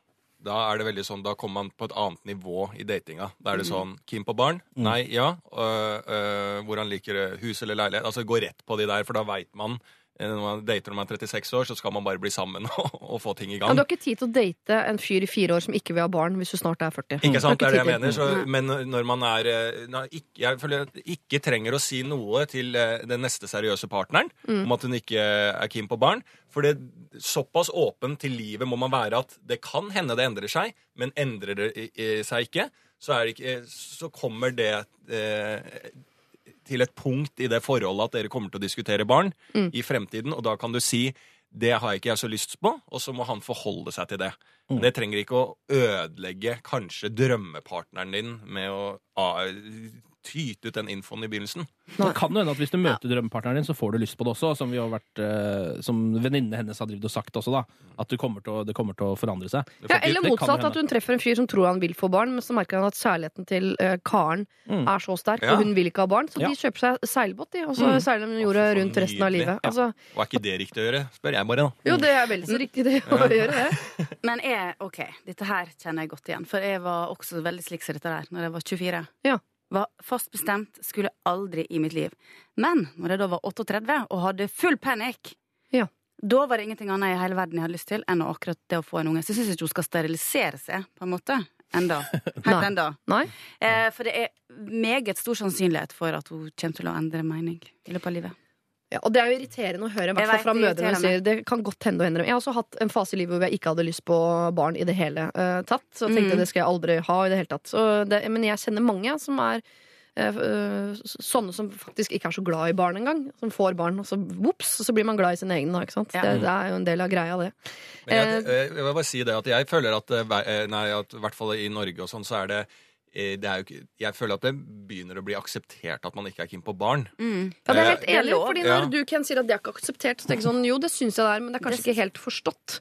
Nei. Fordi det er den, eh, det er den evige sånn åh, Når du først har barn, da, du vet ikke hva du går glipp av. Så er det en jævlig irriterende sånn religiøs eh, ting å si. Men det er mødre, ny, nybakte mødre, eller sånne som har mødre med uh, unge barn, Ja. de føler jeg har den holdningen til andre eh, kvinner. Hvis du er en, eh, har en venninnegjeng der alle er liksom barn til eh, små barn, og du sier at 'jeg har ikke lyst på barn', mm. da får du litt sånn 'Å ja, lyst og lyst, det går ikke, går ikke det. Går det ikke? Du kan ikke få barn.' Så bare 'jo, jeg kan få barn, men jeg har ikke lyst'. Ja. Det er vanskelig for eh, ferske mødre å forstå, tror jeg. Og godta, ja. Men igjen så tenker jeg at det går mer på forståelse enn aksept. Det er jo som religion og alt mulig. Det er jo, tenk deg, hvis du føler, eller eh, et band da, for den saks skyld, du føler at du har oppdaget noe i livet, som er helt Det er så bra at det har endret hele livet ditt. Og da vil du jo bare ren, av ren kjærlighet at alle andre også skal Mm. gjøre den oppdagelsen. Om det er å oppdage Pearl Jam sin første CD, første band jeg kom på, eller om det er eh, eh, det å drive med fjellklatring, eller om det er scientologisirken, eller om det er det å få barn, så vil man jo bare at alle andre skal forstå det du har forstått. Mm. Men så må man jo samtidig også akseptere at, at selv om det er fantastisk for deg, så er det ikke nødvendigvis fantastisk for alle andre.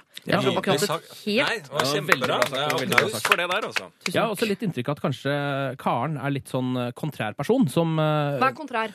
eh, som liker å gå litt motstrøms, kanskje. Eller som er sånn når alle sitter der, alle venninnene snakker tydeligvis veldig mye om barn og kjønn og eh, navn og sånn. Ja. Som jo må være ekstremt døvt er å sitte og høre på. Det blir nok prat om det, da. Ja, og hvis de er 24 og sitter og maser om det der, kan dere ikke snakke om noe kulere? da? Altfor Alt for tidlig. Ja.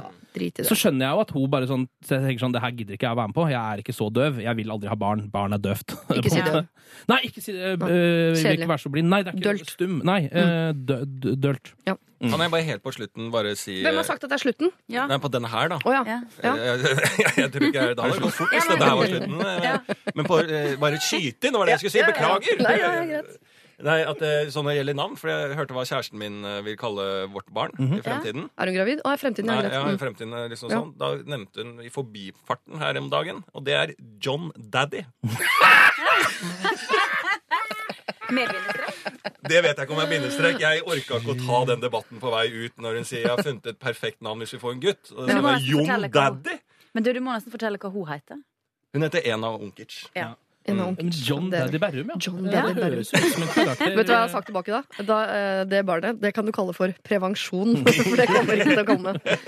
Nei, det, det var ikke, det må jeg hilse hjem og si at det er ikke pent. Nei. Nei, det, det er noe ikke- kult med det òg. Det er Ja. så, Ja, det, er såpass nesten så det eh, vokste litt på meg. ja, mens vi satt såpass er jeg Mm. såpass John rar i anf- er jeg sikkert da, men jeg begynner å like Jon Daddy. På en eller annen måte Jon Daddy Berrum. At det er eh, Jon Daddy, kom her, da! Jeg syns jo det har mye for seg, altså. Jeg syns det er så mye like navn der ute nå. Det er så sjelden han blir IT-ingeniør, da. Hei, Jon Daddy. Jeg jobber på eh, i KPMG. Ja, Han blir ikke IT-ingeniør når det heter Nei, Jon han Daddy. blir. Han blir enten veldig kriminell eller veldig veldig rar. Eller så, jeg vet ikke. Ekstremt Hva hva blir man når man heter Jon Daddy? Burde bli rapper, da. Ja, Det er jeg helt enig. John Daddy-o. Du kan bli countryartist. Ok, så spørsmålet kommer jeg til å endre mening. Kanskje. Det kan godt, uh, Godt hende. Eh, du trenger ikke å endre mening engang for å få barn. Plutselig en dag så har du barn, og så er du glad i det uten at du nødvendigvis har lyst på barn. Dere kan se det. Eh, er det sosialt akseptabelt å ikke få barn? Jeg skjønner at ikke det virker sånn. Men det er nok det, og jeg tror det, for min del i hvert fall, så går den delen på at jeg ikke forstår det sånn. Da lurer jeg på hva du skal fylle livet ditt med, for jeg, jeg skjønner ikke Skal du seile, da, eller bare Jeg, jeg får ikke tida til å gå opp. Selv om jeg selvfølgelig du kan gå masse på kafé, men på, annen, på et eller annet tidspunkt så ser jeg for meg at man bare blir lei. At man blir lei av å gjøre hyggelige ting òg. Man har bare lyst til å gjøre noe annet. Ja. Eh, men det er akseptert. Det syns jeg absolutt det er. Og bør du ta det opp med neste seriøse partner? Nei. Nei. Det er vel et unisont nei på det. Ja, absolutt ikke. Ikke gjør det. På et eller annet tidspunkt kommer det opp av seg sjøl. Ja, og ikke problematisere det så mye selv heller, Fordi det her er noe du ikke trenger å tenke så mye på, egentlig. Du kan godt bare la det ligge litt i Ta det opp igjen om ti år. Ja. Så uh, enten så om ti år så kanskje du har fått lyst på, eller kanskje du har møtt en, lyst, eh, møtt en fyr som har mista lysten på barn etter at han traff deg. Det høres negativt ut, men det kan, det kan være positivt. Uh, kanskje dere ikke kan få barn, for alt vi vet. Kanskje du starter en løvefarm i Cape Town, så du har ikke tid for barn, for du har 3000 hjemløse løveunger. Jeg veit ikke, jeg kan. Eller bare si til den nye partneren som du blir sammen med, jeg skal ha barn, og det skal hete Jon Dan. Eller det, eventuelt. Det kan virke veldig veldig preventivt på en del mennesker, da. P3 Lørdagsrådet. på P3. Waters har vi hørt I Feel eh, Everything. Jeg ble tatt litt på senga her nå at den låta har slutta, for vi var inne i en diskusjon om hvorvidt gutter kan gå med kortshorts. Kan de gå med piratbukser? Kan de brette opp olabukser og gå med det? Vi nærmer oss sommer, så vi burde egentlig ta en runde på det. Men la først skal vi. Skal vi ta det nå? Nei, vi tar det etterpå. Vi skal Ja. på hyttetur først, nemlig. Ja. På en litt møkkete hyttetur. Jeg elsker hyttetur, da, men jeg vet ikke om jeg hadde elsket denne. Hei. Jeg og min mann har nylig blitt kjent med et par som vi har hatt utrolig mange hyggelige stunder sammen med. Problemet vårt er at vi nylig ble med på hytta deres en helg, og det var utrolig skittent og ekkelt der. Det var møkkete overalt, det var tepper på gulvet, men de brukte sko inne. Vi fant, fant råtten mat inne på soverommet vårt. Det ble ikke vasket da vi dro derfra, selv om vi tilbød oss å hjelpe til. De pleide ikke å gjøre det, sa de. Vi holdt eh, så vidt ut den helgen vi var der, og vi ble begge syke etterpå. Og vi skylder selvfølgelig på hytta. Nå har vi blitt invitert dit igjen.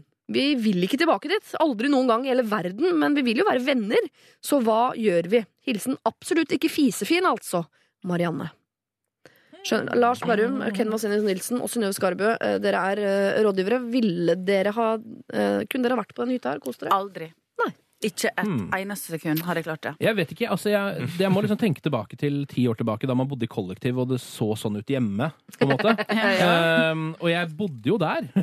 så, så hvorfor skal jeg ikke klare det en gang til, tenker jeg. For en helg, Ja, liksom. for en helg. Ja, for en liten helg. Jeg var mye syk på den tiden også, når jeg tenker meg om. Ja. Um, vet du hva, jeg Men selvfølgelig, man burde jo uh, hige etter å gjøre de tingene i livet som er lystbetont, og ikke de som innebærer å gå rundt i masse skitt uh, hvis man ikke vil det. Så jeg ville jo ha prøvd å komme meg unna den hytteturen. Ja, Men- det, er, det, er ikke, det er ikke noe håp. Det er det eneste måten å løse det her på, så mener jeg, og det er veldig kraftig her, men mm. det mener jeg at det er, du, man må bare Det går ikke an å ta det opp med dem. Nei. Det er så, dette er Nei, det voksne folk. Det er helt umulig. Du kan ikke Ja. begynne. Det er ikke noe sted det går an å begynne å ta opp at uh, hytta er et rottereir, liksom. Nei. Så man må bare komme seg unna. Vi kan ikke. Vi har, vi har problemer med den helgen. Plutselig en jobb, et eller annet sånt. Og sånn må det lyve resten av det vennskapet. Ja, helt enig. Ferdig snakka. Dessverre. Ja. Så Ja, må- det går ikke an å si Eller dere må kjøpe sannheten. egen hytte og begynne å bruke den. Uh, en skikkelig fresh og en skikkelig fresh hytte, og, og invitere de dit hele tiden. For jeg liker jo menneskene, bare ikke deres uh, sans for skitt. Det er et utrolig dyrt råd. Kjøp dere en skikkelig fin hytte hvor det er skikkelig skikkelig reint, og så drar dere dit. Ja, men det er, altså, Vi vet ikke hvor mye penger disse har. Og hvis de er rike, så er det det enkleste. Men hvis ikke, så må dere jo bare ut, ljuge sannsynligvis en gang i måneden resten av livet. Ja. Eh, jeg er jo enig i at her også jeg det jeg- Selv om jeg skulle tro det var jobben min å finne ut av hvordan dette her skulle- skulle kunne tas opp på en skånsom måte, mener jeg at her er det, det er ikke, det er ikke Det ikke. Men jeg blir litt nysgjerrig på hvordan de har det hjemme med seg sjøl. Det kan jeg fortelle. Ja, å ja. Eh, vi har ofte vært på middag og lunsj hos hverandre. Det må sies at jeg har det ganske rotete hjemme også, eh, men det kan ikke sammenlignes med hytta. Nei, ok. Så da går det greit. eh, Det er litt sånn eh, skitne folk, rett og slett. Ja. Men det går greit når det er hjemme, for da eh, Og da må man Da, da greier vi det. Da greier vi å være på besøk hos hverandre der. Drit i hytta. Mm. Og ha det vennskapet. Jeg har også sånne venner som er der det aldri er eh, såpe og sånne type ting. På baren? Ja, liksom sånn, ja, og da, det er veldig vanskelig å ta opp det. Eh, fordi det jeg opplever, da, hvis jeg sier det, at eh, som en spøk ja, ja det, er, det er ikke alltid såpe her, på en måte. Eh, God vits der. hva, hva er greia med såpe? Eh, nei, men Hvis jeg ymter frampå på en sånn litt sånn humoristisk vis, så eh, merker man at de, de, folk som er veldig skitne, har ikke så mye selvinnsikt. Nei, de skjønner ikke at Eh, for de vet eh, ikke. De, de tror Også de de tror har det bare er en vits. De bare nei, det er det ikke. Ja. Nei, men de tror jo, jo, det er, ja, det er ikke såpe her i dag, men det er jo alltid det ellers. Altså, det er meldingen, Så de, de skjønner ikke sjæl at det faktisk alltid er sånn. For de går sikkert hver dag. Det er som når du er veldig rotete hjemme i leiligheten lenge, så tror man bare sånn «Åh, Nei, jeg har det ikke alltid så rotete. Jeg, jeg bare denne Akkurat perioden. perioden. Og så plutselig har den perioden vært et halvt år. Og da må det gå opp for deg. Jo, jeg er en rotete person. Jeg må ta grep. eh, og det er det de ikke gjør, de rotete folka. Nei, for Det syns jeg egentlig vi får et tydelig eksempel på her også i mailen. For de har jo tilbudt seg å rydde når de dro fra hytta. Det var, nei, nei det, vi, vi rydder ikke på hytta. Men jeg tror noen har et sånt forhold til hytta at på hytta kan man dra med seg masse dritt man ikke vil ha ellers. Og uh, man er ikke så nøye på vaskinga på hytta som man er hjemme osv. Men skal det ikke Matrester på rommet. Ja, det er muggen mat på ekkelt. rommet. Ja, det er ekkelt. Men skal de aldri gi dem en sjanse igjen? For jeg tenker eh, Hvis de blir, er gode venner i mange mange år, så høres det veldig hyggelig ut å dra på en hytte sammen. da Kan jo være det at de om sånn ti år har begynt å, å, å bli mer ryddig. Man blir jo ofte litt mer ryddig etter hvert. Gjør man det? Gjør Ja, man ikke nei, det? tvert imot. Ja, jeg vet ikke. Jeg har ikke fulgt med på utviklingen hos mennesker, mennesker rundt meg hvordan det, hva det gjelder renslighet. Du er vel mer ryddig nå enn når du bodde i kollektivet du refererte til i stad, for ja, ja, men det var ikke jeg som var uryddig, det var de andre. Oh, ja. uh, Man kan alltid skylde på det. Ja. Um, Jeg har liksom en følelse av at man må finne en, um, en unnskyldning for å ikke dra på denne hytta, som Ja. varer livet ut. Ja. Altså Ikke at du slipper å finne en hver gang, men et eller annet, at du har en sånn Nei, for det viste seg at vi er allergiske mot vegg-til-vegg-tepper. Eller altså at du må finne et eller annet som du kan Ja. bruke hver gang. Ja. Eh, de, um, Gammel mat. Vi er allergiske Vi er dessverre allergiske blir kvalm av å spise råtten mat, jeg vet ikke med deg, men eh, Jo, men det fins jo faktisk eh, støvallergi, eller kanskje ikke allergi, i hvert fall, at man Ja. får eksem av støv, for Ja. eksempel. Men da har man jo implisitt sagt dra Ja, jævlig møkte, da. Jo, men man har jo sagt det på en eh, Man har jo bare sånn Nei, vet du hva, vi har eh, Nei, det er kanskje det er vanskelig, det. Ja, det er Eh, vanskelig, jeg meg om. Jeg prøvde å si det, så ble det vanskelig. Og jeg tipper de har vært innom Marianne har vært innom løsningen sånn Vi drar dit, og så bare rydder jeg litt når jeg er der. Sånn som svigermødre ofte gjør når de er på besøk. mm. Og sånn Og tenker sånn Bare før du vurderer det, ikke gjør det. Men hva hvis jeg sier vi er ikke sånn hyttefolk, vi? Der Det er lov å si. Ja, da er du inne på noe. Ja. Uff, jeg Det vet. var veldig koselig sist, ass, men jeg, jeg Vi er syns det er så- lenge ja. å dra bort en hel helg. Og... Og bilsykdom kan man også dra fram. Nei, du Ja. skjønner jo at jeg har blitt så voldsomt bilsjuk. Jeg kan ikke kjøre de tre-fire timene lenger. Mm. Eller foreslå noe sånn Kanskje de elsker spa, for eksempel. Da. Vi skal ikke eller bare Få på Farris bad. Ja, dra på Farris bad, for eksempel. Men jeg tenker, eh, fordi hvis man, hele, hvis man skal avvise sånn ehm, eh, ganske ofte av den hytteturen sånn Nei, jeg kan ikke den helgen. Og så foreslår du ny helg. Nei, jeg kan ikke da heller. Så må man for å liksom eh, møte eh, det problemet, så må man komme med et tilbud selv til bordet. Og si sånn, Mm. Men hva om vi stikker en tur til Barcelona i eh, midten av juni? Mm. For da, har de, da vet de at vi skal til Barcelona sammen i juni. Da slutter de kanskje å mase innmari om de hytteturene fram til det. Ja, det er I stedet for å bare være på nei, nei, kan ikke, kan ikke, skal bort. Oi, nei, støvallergi, øh, bilsjuk. Mm. At man må bringe noe til bordet, liksom. Ja, og det kan, jo også, det kan man jo prøve å gjøre til en årlig greie, det òg. Hvis Ja. dere får til det. Eh, Så har dere den greia, som er så, såpass stor at det kanskje vil ta bort litt av trøkket på det andre. Ja. Jeg tror det kan være lurt. Eller bare si at det er noe familiært på en av de. Eh, Ja. At det kan liksom Det blir eh, Moren eh, er litt sånn nedfor for tida, sånn, så jeg liker å være litt i om, nærområdet. Mm. Altså En eller annen sånn familiær ting som gjør at du på en måte ikke kan dra bort. Ikke skryt av sykdom og dødsfall i familien. Det er så, blir så flaut når du blir ferska på det. Ja, men Jeg bør ikke skryte på no, noe sånt. altså. Bare, det kan være noe sånn nei, Det er litt sånn Litt sånn ting Trømmel. i familien, da, eller med flytting hos uh, de pus, mamma, og pappa pusser litt opp, og jeg bare være litt sånn tilgjengelig. Ja, tilfelle de skal montere på en Fatteren har litt dårlig, ry- dårlig rygg og uh, Da høres det ut som en bra person som har satt av en måned nå fordi mora og faren din pusser opp, så nå kan ikke jeg gjøre så mye annet. Ikke satt av en måned, jeg har satt av et liv. Ja, satt av hele livet. Men dere, de trenger vel egentlig ikke å si man, Det er jo ikke sånn at de, Hvis de sier nei, vi kan ikke den helgen Å nei, hvorfor ikke? Har du papirer på hva du skal den helgen? Er det noen som er syke? Hva skal du? Det holder vel å si det passer ikke. På en måte. På noen. Ja. Det er Vi får håpe det. Ja. Eh, absolutt ikke fisefine, Marianne. Eh, vi forstår at ikke du vil på den eh, hytta der. Selv om jeg personlig tenker at hvis det er fryktelig hyggelige folk, så overlever du vel litt grann skrot. Kan jo rydde inn på soverommet ditt, da. En Det- hytte, liksom. Ja. Jeg er ikke så streng på det, ass. Jeg er overlevd. Sorry at det er seint å komme med er den en ting, diskusjonen men skit, det går ikke. Nei, det Uansett hvor kul det. er. Jeg syns det er litt sjarmerende når er Nei. musebæsj på hytta når vi kommer fram. Sånn. Fysj. Ok. Jeg legger meg flatt. Det er greit. Eh, Dere skal ikke på hyttetur, i hvert fall da, på den hytta. Og dere skal heller ikke ta det opp, for det er ikke noe hyggelig måte å ta det opp på. Det er nå bare en gang sånn at dere aldri kan når de foreslår å dra på hyttetur. Det er lov faktisk med en liten hvit løgn der. For folk som er rotete, de blir visst ikke så mye mer ryddige med tida heller. Men så må dere bringe noe til bordet, altså. Dere kan ikke bare si nei, nei, nei, nei og være sånn negative folk. Da må dere også foreslå noe dere kan gjøre sammen, som er noe mer enn å bare spise middag hos eh, hverandre. For eksempel en eh, oval Viken til Barcelona, som jeg har hørt at det er så innmari populært for tiden. Eh, si hvordan det gikk, da. Eh, send oss en mail med eh, oppdatering på hvordan dere kom dere ut av neste hyttetur. Denne hytteturen som dere allerede er invitert på. Eh, send det til mailadressen du allerede har brukt. lralfakrøll.nrk.no. They Don't Know synger han uh, Loveless, og før det var det Hosier som sang uh, Take Me To Church. Eh, dagens uh, rådgivere er en gjeng jeg ser for meg at er jeg tipper i hvert fall én her inne har vært på en eller annen slags form for noe sånn eh, backpacking eller inter, eller vært mye ute og reist. Og jeg tenkte jeg skulle spørre dere. Eh, har dere liksom vært på en reise i utlandet hvor dere har fått dere en venn for livet? Ah. Eller har dere truffet uh, uh, Har du, Ken Asenes Nilsen, for eksempel, Mm. vært i utlandet og truffet en fyr som er så kul at du liksom har beholdt kontakten etter en ferie? Eh, jeg, nei, eller jeg har blitt venn med noen på Facebook som jeg fortsatt er venn med, og som jeg sånn chatter litt med sånn kanskje en gang i året eller noe, bare for å sjekke ståa. Ja. Uh, vet ikke om det teller, jeg. Blitt venn med på Facebook? Altså Ja, etter å ha nei, truffet hverandre ja, i Syden? Ja, aktiv? ja. ok. Eh, jeg har jo selvfølgelig vært ute på den der backpackerturen som du skisserte opp her, Ja. eh, da jeg var 20 eller noe.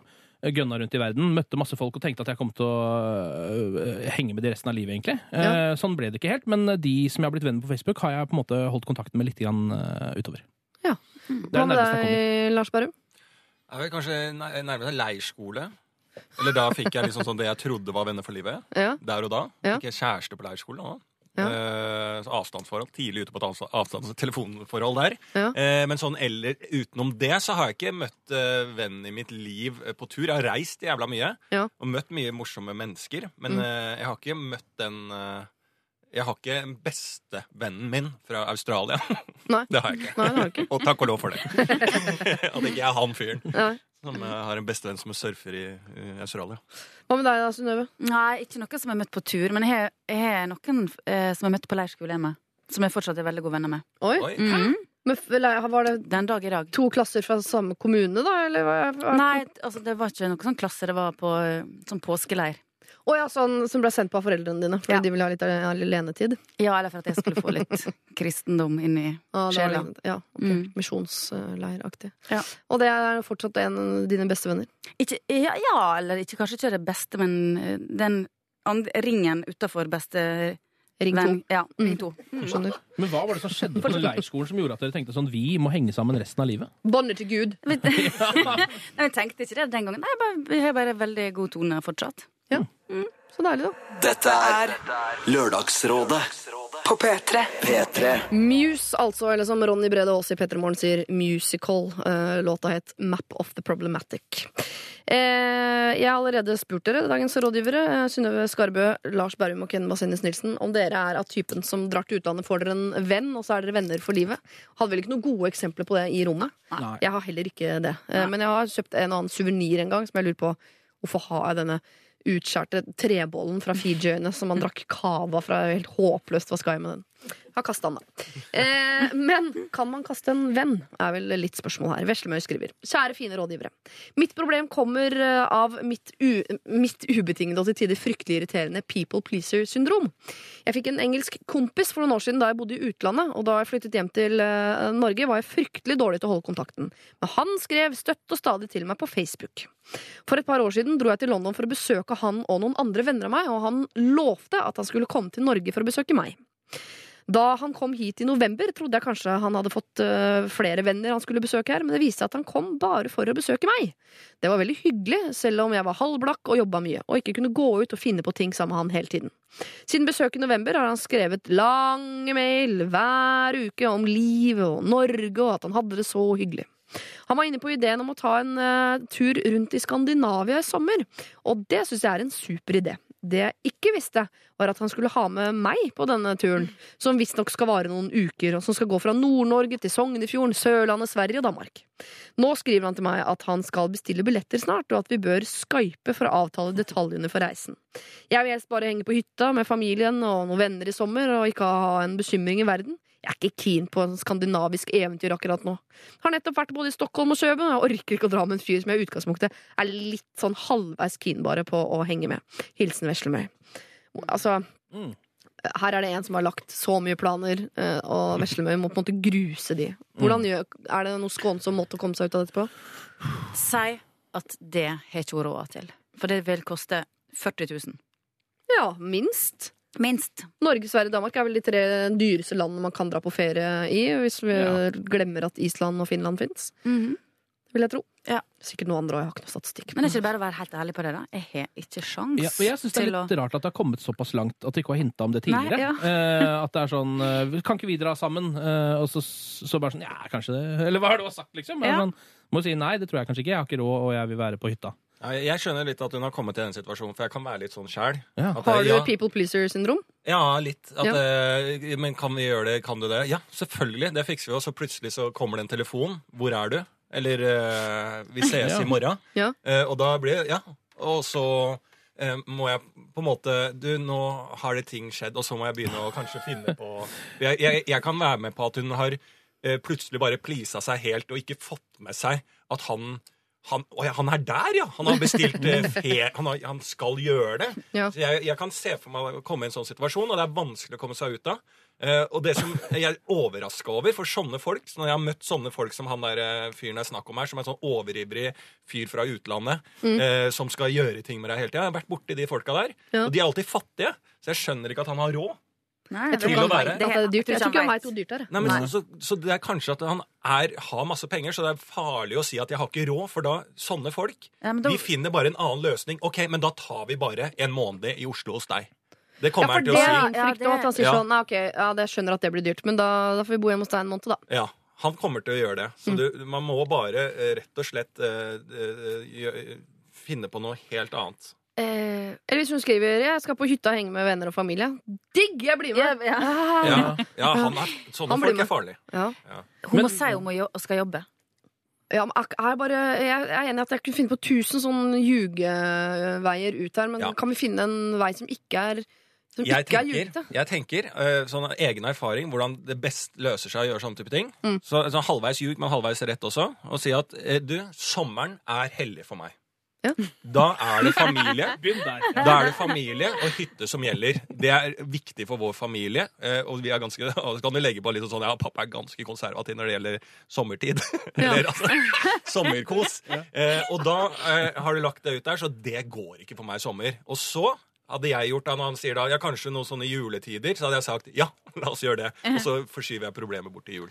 Jeg liker at du Og så sier tar du en her, ny, altså. Så tar jeg en ny eh, runde finte der. der. Ja. For, for jeg eh, møtte deg ute i gangen her rett før vi skulle på her nå i stad, Lars. eh, Og da spurte jeg om du ville være med og Ja. ha P3-morgen sammen med meg. Og da sa du sånn ja, ja, ja, ja, ja, ja det, det skal jeg gjøre, sa du da. Uten noen flere spørsmål. Eh, Så det vil si at nå går det en uke, da, eh, så kommer du til å komme med en sånn eh, Jeg har en veldig konservativ far hva gjelder radio, eh, så det er mulig at jeg ikke kan være med. Ja, kan du være med til jula? Ja, ja, ja. ja, ja. Um, Jeg spiser frokost jeg, med min konservative far hver eneste dag eh, sånn i sjudraget. så- Men um det jeg setter egentlig litt Jeg skjønner, jeg er en veslemøy, jeg også. Og de fleste har en veslemøy i seg, som er nemlig den som, eh, som er flinkere til å snakke om ting, planlegge og alt man skal gjøre, men som ikke er en doer. Når det kommer til et stykke, så er vi ikke liksom Vi har egentlig aldri tenkt at vi skal gjennomføre de planene engang. Vi bare koser oss med å snakke om det.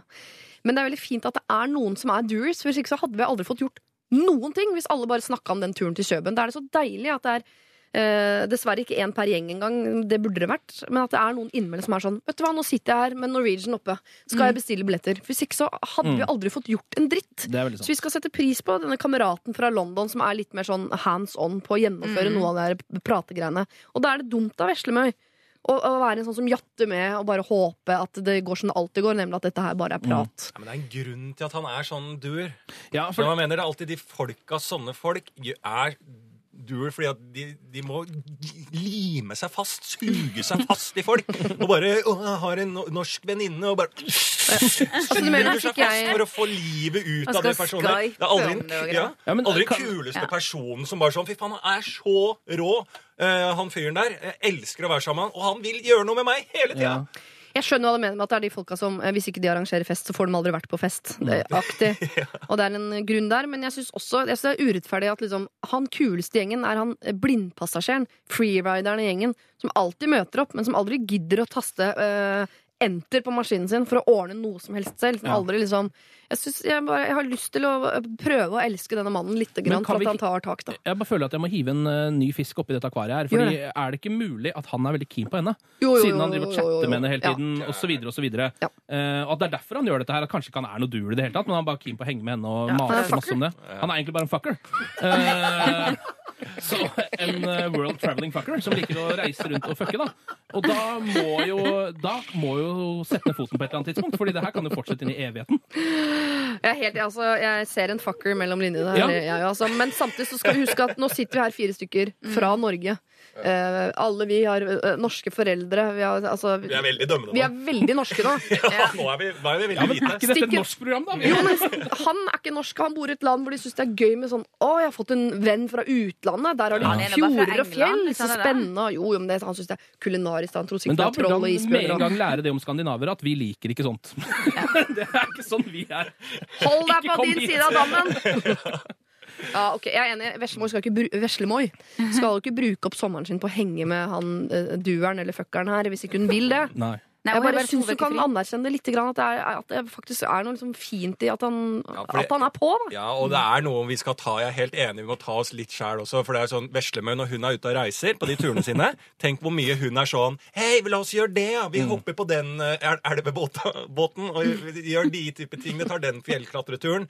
Eh, Men når eh, vi eh, eh, nordmenn kommer tilbake til Norge, så er vi ikke like utadvendte, ikke sant? Så det er jo det som skjer. Så eh, hun har nok bydd litt for mye på seg sjæl Ja. ute Ja. på tur. Slutt med det. Du må Mm. ikke by på deg sjæl. Du må ikke glemme, glemme det eh, norske blodet ditt selv om Nei. du er eh, på tur. Men jeg syns ikke hun skal brenne alle bruer heller. For at det er kjekt å ha en plass å bo gratis når du skal til London på shoppingtur. Ja. Men kan hun ikke foreslå det råd, heller? Det er kynisk råd. Ja, Altså. Er norsk råd. Ja, det er norsk råd. Eh, Men det er jeg helt enig i. At, fordi eh, vi kan jo bare håpe at han, det han aller mest ønsker, mer enn å se fjell og fjord og det der greiene der, Mhm. er jo å se henne. Naken. Og da kan jo Ja, antakeligvis også naken. I en fjord, gjerne. Men ja. Kan ikke hun dra og besøke han en liten tur i sommer, da? I London? Ja. Eller kan de ta en helg sammen i Kjøben, eller Jeg syns i hvert fall at det er litt dårlig gjort av henne å begynne å besøke han i London hvis han er keen og hun ikke er det. Skandinavia. Eh, merker at det, er li det blir liksom litt vel for meg.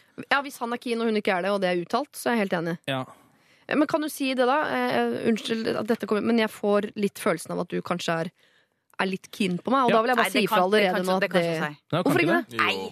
Fordi Kan du skylde på altså, språkbarriere hvis det blir kleint? Jeg ville tenkt litt det hvis jeg hadde vært på den, denne engelskmannen da, og sittet her og chatta med en dame som jeg var keen på å besøke. Eh, fordi at jeg syntes hun var fin. Ja. Um, så ville jeg, Hvis jeg hadde fått et lite hint om at hun ikke var keen i det hele tatt, eller hadde kjæreste, eller noe sånt, så hadde jeg kanskje kanskje backa litt unna. Så det går jo an å si det. Nei, jeg og kjæresten min skal Og så bare Ja, for da hadde ikke du giddet å bruke to uker Nei, nei, nei, og et helt og 40 000 på å eh, surre rundt. Nei, du hadde jo ikke det. Nei. La, ja.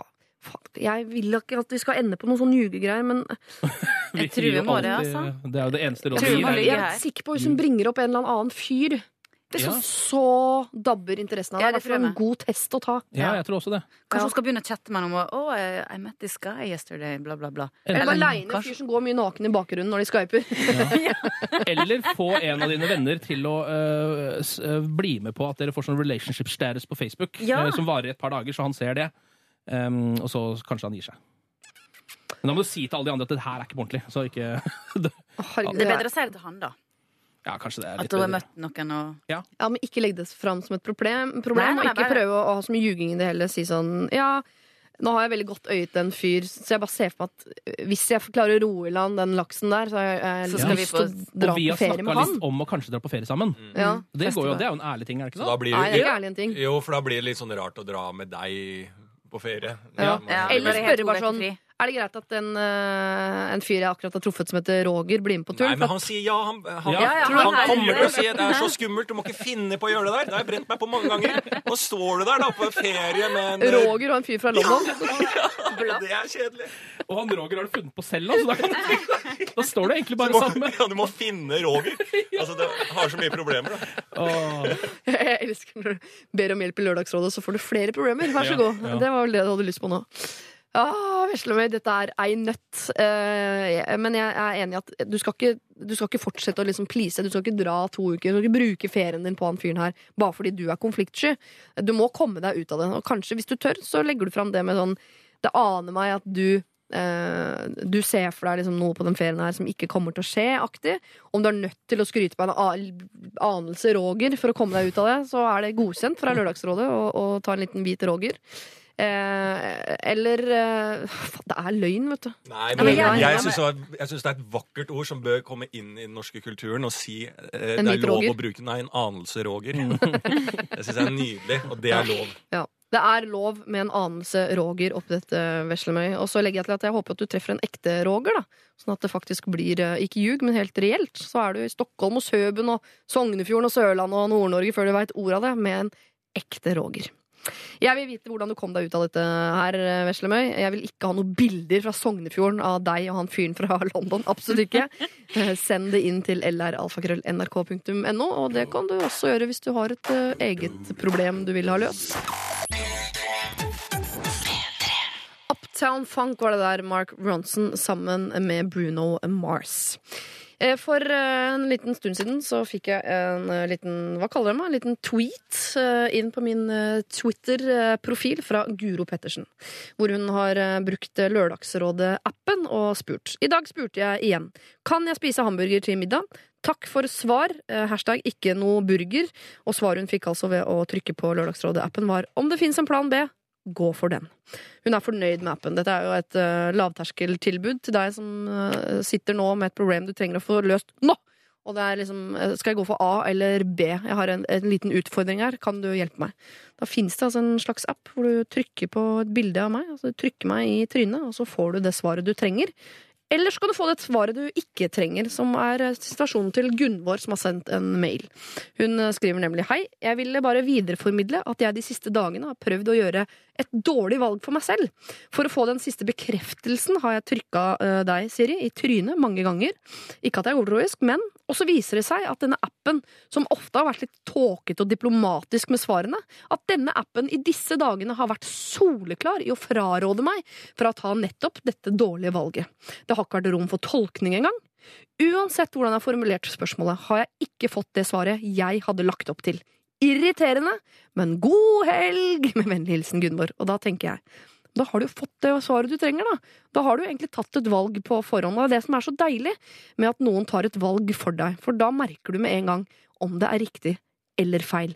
Så kan du tenke det var et godt råd, det bruker jeg. Eller så tenker du det var et dårlig råd, det skal jeg i hvert fall ikke bruke. Og vet du hva? Da har vi faktisk gitt et ganske godt råd allikevel. Ja, jeg vet det er et smutthull, jeg liker å begrave meg nedi og dra dyna godt over, men vet du hva? Jeg koser meg med det der med god samvittighet. samvittighet. Lørdagsrådet med Siri Kristiansen. På P3. P3. Susanne Sundfør med sin eh, White Foxes hørte du der i Lørdagsrådet, og før det Daniel Kvammen med låta Du fortjener ein som meg. Eh, godt observert av Ken Vasenius Nilsen, som er rådgiver her i dag, at det er veldig norske artister nå. De bruker sitt eget eh, navn. Det er ikke så mye sånn eh, De finner ikke på så mye sånn spreke artistnavn. Nei, de heter liksom Daniel Kvammen for eksempel, og Christian Christensen. eh, ja, og for Susanne Sundfør. Susanne Sundfør. Også. Ja. Um, Istedenfor å hete Return, sånn som de het før. For eksempel. Liker du det bedre, eller? Du som er musikkjournalist, på en måte. Eh, eh, jeg vet ikke om jeg er ja, alle, Vi er vel alle musikkjournalister her, Ja er vi ikke det? Um, jeg vet ikke. Jeg, det, noen ganger så blir det litt sånn at jeg bare eh, At alle navnene går litt sånn i ett for meg. At det ser litt ut som et klassebilde. At er, her er Jan Åge Ingarsnes, og så har du Helge Thoresen. Ja. Og så blir det bare en svær smørje, så klarer man ikke helt å vite hvem som er hvem. Deilig med en Mr. Probs inni der. Ja, Liksom. én må hete Mr. Probs fortsatt, uh, syns jeg. da. Eh, Lars Berrum, Synnøve Skarbø, dere er jo ikke musikkjournalister, sånn som Ken og meg, men eh, eh, hva tenker dere? Har dere? Er det noe dere liksom setter pris på? At folk har gått tilbake til sine vanlige navn? Jeg skulle ønske de het noe sprekere. Du som har lyst på at ditt fremtidige barn skal hete John Derry. eh, John Daddy. John John Daddy, ja. Mm. ja. Jeg syns jo det er bra. Sånn Lido Lido har gått tilbake til Lido, er det ikke det? Hva heter han? Jo, men han heter jo ikke Lido, han har jo et vanlig navn. Han har ikke gått ja. helt tilbake til ja, disse så bare røttene sånn, sine. han er på vei tilbake, da. Jeg føler at han Ja, et gått- steg i riktig retning. Ja, ja. Tatt bort en Eh, Lido, neste så heter han ingenting lenger. Nei, og så kommer det vanlige navnet. Mm. hva er det, da? Er det ingen som vet det? Det vet jeg. Nei, Han er, eksisterer han lenger? Ja, ja, ja, i aller høyeste grad. Ja, Han har akkurat kommet med låt sammen med han Josef fra Madcon. som Ja. er, eh, Ikke akkurat, da, men Musikalsk Nylig, Da. ja. han var et lite geni. Peder, ja. Peder. Peder? Peder. Et eller annet. Mm. Det het mopeden min før, faktisk. Den het Peder, ja. Peder, ja. Mm. Het Peder om sommeren og Peder om vinteren. Synnøve, du er ikke Nei, jeg jeg Samme for deg, jeg har ikke noen sterke meninger verken for eller mot det. Nei. Jeg har sjøl sunget i et band som heter Suspicion, så Har du det, eller? Var det bl bluesband, eller hva? Nei, det var vel eh, pikepop, tenker jeg vi kaller det. Pikepop? Ja. Og du var, skrev du musikk, eller var du bare Skrev vokalist? musikk, spilte synthesizer og sang. Oi, nesten som Highasakite. Ja. ja. Bare ikke fullt så suksessfullt. Kanskje ikke, nei. Tråkka opp stien, da. Jeg, jeg har også vært vokalist i band. Jaha. Blauschimmerkäse Spieleverein. Det høres mer ut som sketsj, men Nei, men eh, det er ikke sketsj. Jeg fra starta på ungdomsskolen og, Ja. og på sånn etter skoletid. Ja. Vi, vi, vi har bare én sang, da, og det er Creedence med 'Rolling On The River'. Ja. Det er to stem- Hva sa du? tributeband, tysk tributeband til Ja, eh, Creedence. ja, vi, har, vi har den låten, liksom. Ja, skjønner. Dere, vi har fått litt, uh, litt refs. Mm. eh, fra en som heter Steinar, eh, som eh, skriver på Facebook-siden til Lørdagsrådet at han har hørt på liksom til og fra, men mener har fått med seg tre råd i løpet av dagen, og alle baserer seg på å ta hvite løgner. Ja. En løgn er uansett en løgn. Konfliktskyskap er motsetningen til Lørdagsrådet. Råd for framtida, både til dere som programledere, rådgivere og til rådsøkere. Finn heller en sannhet man kan stå inne for. Et lite tupp i ræva til oss før vi går eh, Ja. videre. Derfor så han har jo et uh, poeng, men det som er uh, litt av greia, at hvis man uh, skal være sannhetens forkjemper hele tiden, Mm. så ender man opp med ingen venner. og blir veldig dårlig likt av resten Mm. av samfunnet. Det er det som er litt vanskelig, for da blir du han som stikker bort til disse med den skitne hytta og sier sånn Hytta deres er så møkkete at jeg og dama mi gidder faen aldri å dra hit igjen. Der er du nummer én. Mm. Og så sier du til han London-fyren bare sånn Du, jeg er norsk, aldri kom hit, din jævla Og så sitter du der alene til slutt, da. Tror du ikke det er altså, det, Vi må finne en gyllen middelvei der, som ikke Mm. er Ricky Lake, som tar opp hånda og sier 'ikke snakk til meg', de jævla fjøsfe, Mm. uh, og disse konfliktsky. For jeg mener at Lørdagsrådet skal nettopp være motsetningen til uh, konfliktskyhet. Ja. OK. Eh, Så eh, nå, fram til vi har en halvtime nå på å gjøre det godt igjen, rett og slett, på å ikke være konfliktsky, og det må vi ta inn i neste problem, som skal dreie seg om eh, denne Nina som hater faren sin. Der kan vi ikke Oi. ha noe konfliktskyhet. Nei, si det, Det med, si det med en gang, Nina. Si det med en gang til Noen faren hvit løgn på at jeg har funnet en annen pappa. Eller, vi må ikke ha noe sånt eh, der.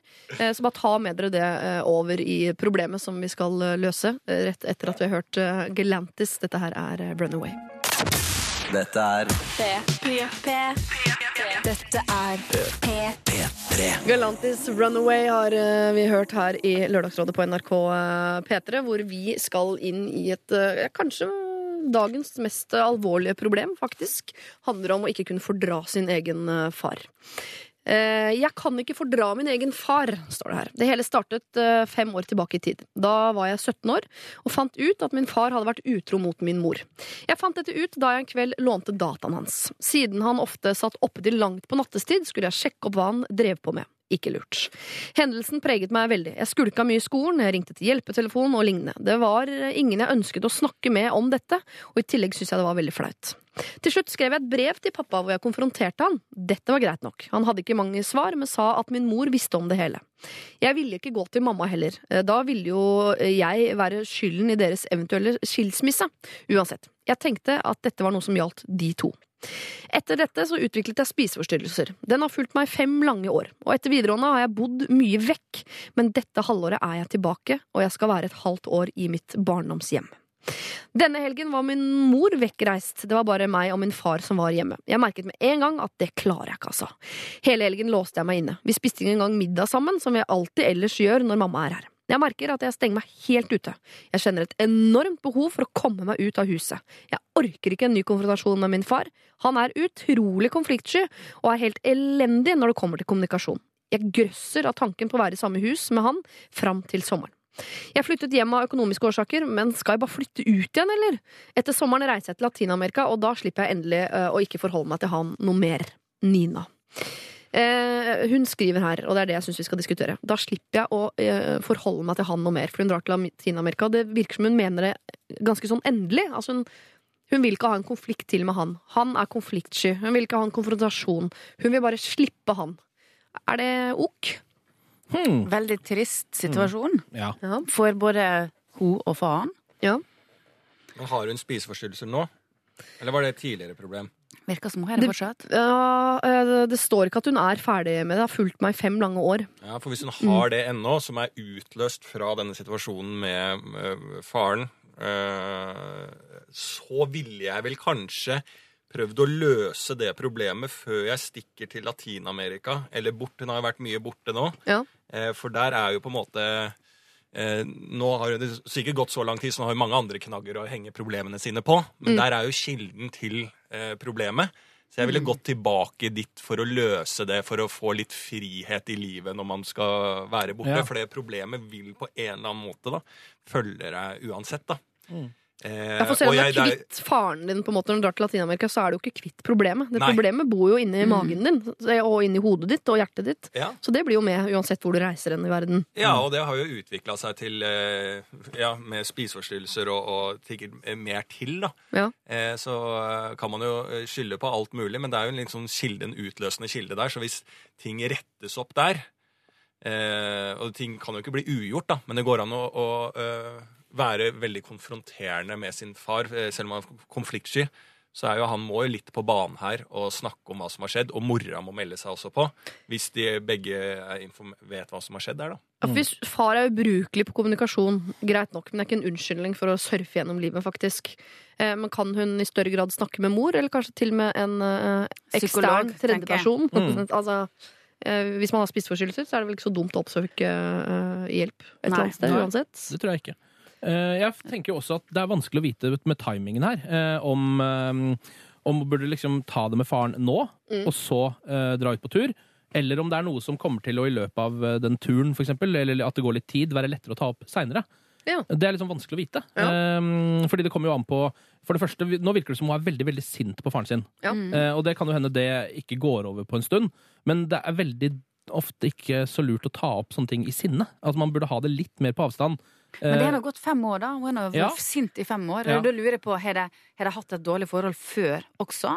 Eller var det, var det helt normalt fram til den dagen hun oppdaga at han var Det utro? virker jo litt sånn at det var så stor uh, greie for henne at det liksom ødela hele forholdet. da. Men jeg mener jo egentlig, egentlig burde hun tatt med en gang, men det toget har gått. For Ja, det har gått fem år, og så Ja. videre. Og det er en at det kan være lurt å ta vidt med en det gang, da, og sendte jo mail og holdt jo på der. Veldig Brev. bra. veldig på. Og det, eh, jeg kan skjønne at det virke, kan virke urettferdig hvis man har tatt en konfrontasjon med familien sin. Så føler man liksom, da har i hvert fall jeg gjort mitt, så er det ikke min tur neste gang. Jeg er yngst, dette ansvaret skal ikke ligge på meg, osv. Uh, I hvert fall, nå henter jeg inn mitt eget liv, det beklager jeg, men det gjør jeg hele tiden her i Lørdagsrådet. Um, men jeg tenker også at uh, hvis vi glemmer det med spiseforstyrrelsene bare et like, lite øyeblikk Hun burde finne ut av hvorfor hun er så sint på far, for far har gjort noe som egentlig i manges øyne er utilgivelig mot mor. Mor vet om det. Mor har tilgitt. Mor er sammen med far. Mm. Du er glad i moren din. Du skal ha noe med disse menneskene her å gjøre resten av livet. Mm. Du, du kan ikke velge bort far når mor har valgt å beholde han, mener Nei. jeg. Jeg, jeg. jeg forstår Han har jo egentlig sånn sett ikke gjort noe grusomt mot deg. Han har gjort Nei. noe s- mot moren din, som det- hun har ja. tilgitt. Det er vanskelig å Tydeligvis. tenke at, eh, at eh, livene til foreldrene dine er deres privatliv også. Fordi det er liksom ditt liv også. Men jeg vil jo kanskje tenke, når du sier det sånn, Siri, så tenker jeg sånn, kanskje snakke litt med mor. Eh, Prøve å finne ut hvorfor i alle dager hun har beholdt han. Kanskje du får et litt bedre syn på din far etter å ha snakka med din mor, som jo liker han fortsatt veldig godt, tydeligvis. Kanskje mora di har vært utro?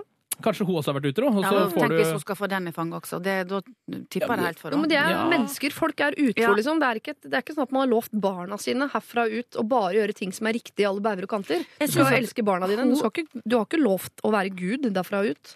Jeg føler at hun er nødt til å jobbe med seg sjøl her, og Ja. få litt hjelp, eh, mest sannsynlig, utafra. For at eh, hun kan ikke gå rundt og være bitter på faren resten av sitt liv. Nei, Selv om det er han som har gjort noe, så må hun på et eller annet tidspunkt tilgi han. Må tidlig å prate, og så eh, jeg vil, jeg vil på det sterkeste anbefale at eh, det går ikke an å reise vekk fra eh, sykdom eller eh, aggresjon. Nei, det gjør ikke det. Eh, så selv om det er varmt og Aggresjon har eget pass. da. Ja, det er bra. Ja, det har, eh, det er eget pass. Jeg er helt enig.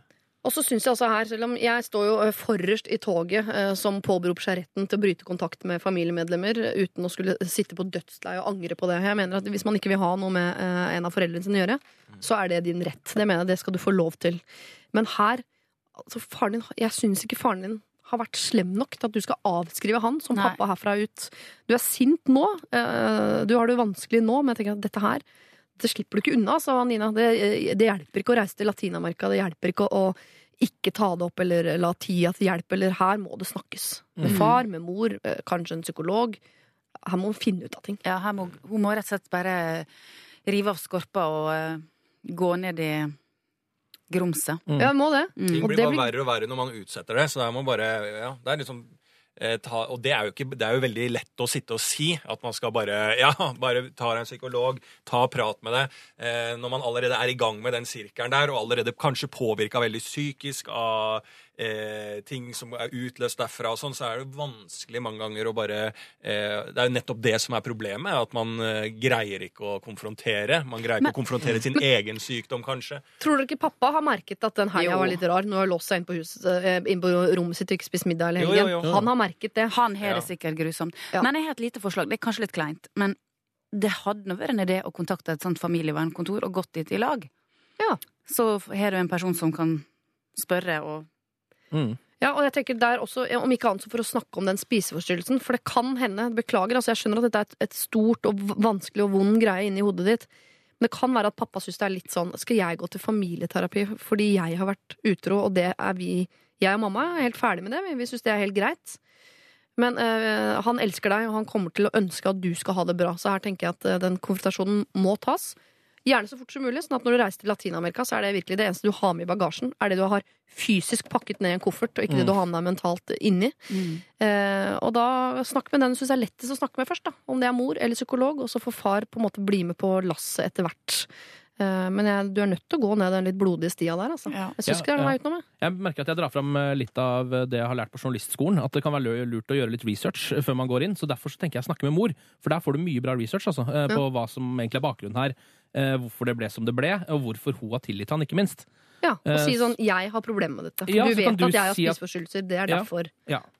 Eh, Jeg ville starta der, eh, faktisk. Og så må man konfrontere med far til slutt, da. Eh, Det må man jo, for ellers så løser man jo ikke opp. Og hvis hun ikke har sagt at hun har spiseforstyrrelser til foreldrene sine, Ja, så da begynner det vanskelig. bør hun i hvert fall Mm. si det nå. Ja. Det anbefales. Anbefales. Gjør det, kjære deg. Dette blir tøft og tungt, men tenk så deilig det blir å reise til Latin-Amerika kun med badeshorts, snorkel og svømmeføtter. Og Sarong eh, vil jeg anbefale, fordi det er veldig bra både som strand og som plagg. Eh, strandplagg og vanlig plagg. Ekstra råd fra Ken. Lørdagsrådet På P3. P3 Eh, vi rekker et siste problem her i Lørdagsrådet i dag, før klokken slår eh, tolv. Eh, og det er et problem som kommer fra nok en eh, Nina. Mye Ninaer mm. med problemer der ute. Det er egentlig mitt inntrykk av folk med navn også. Jeg har møtt ekstremt mye folk som heter Nina i mitt liv, blant annet min mor. Eh, de er ofte løver, i løvens tegn. Vanskelige folk. Veldig vanskelige folk. eh, og har mye problemer. Sånn er det bare. Her er en som heter Nina. Jeg aner ikke når hun er født på året, og jeg tror egentlig ikke at det har noe å si det heller. Paff jente 20 år skriver Kjære Lørdagsrådet. Jeg handler alltid i den samme dagligvarebutikken Rema 1000 på vei hjem fra jobb. Det er så ofte at eh, de ansatte kjenner meg igjen.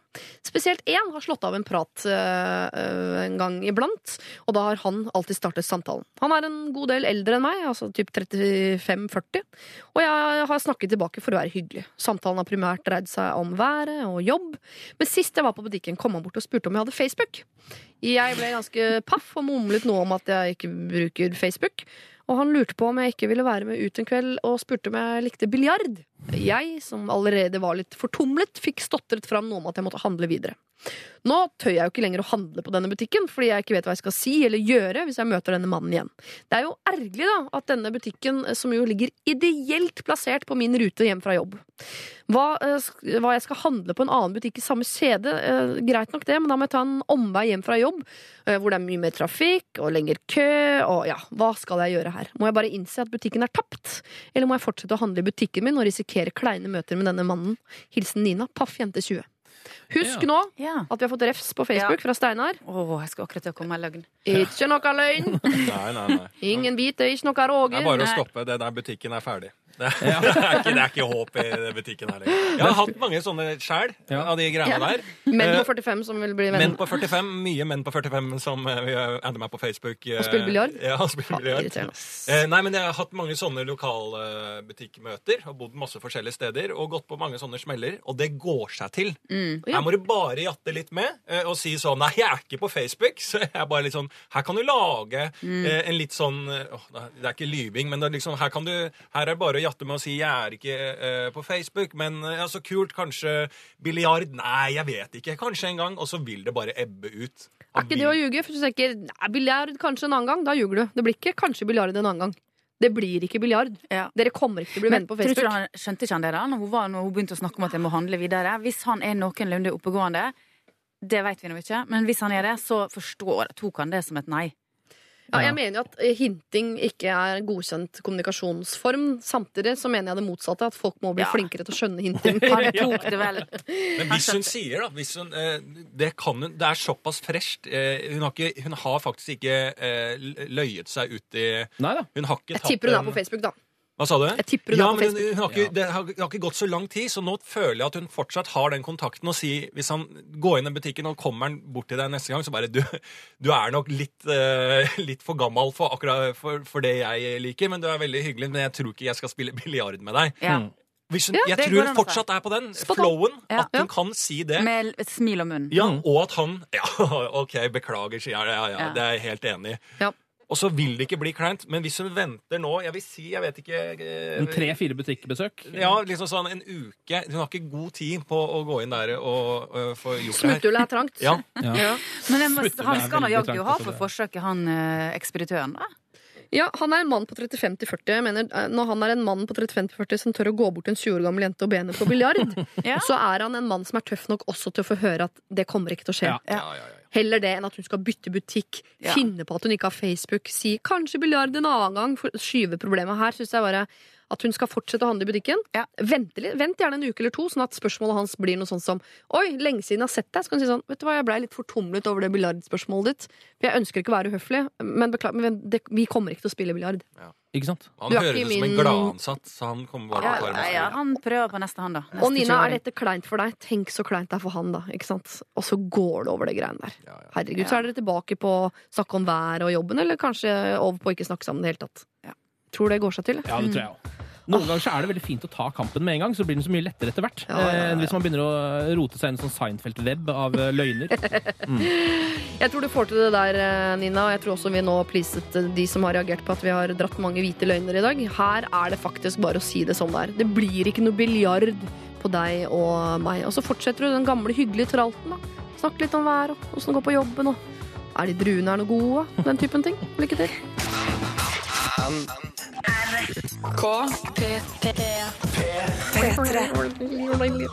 The Wombats eh, hører vi ebbe ut her med noe litt sånn psykedelisk uh, Mars-musikk. Uh, emoticons altså her i eh, Lørdagsrådet på eh, NRK P3.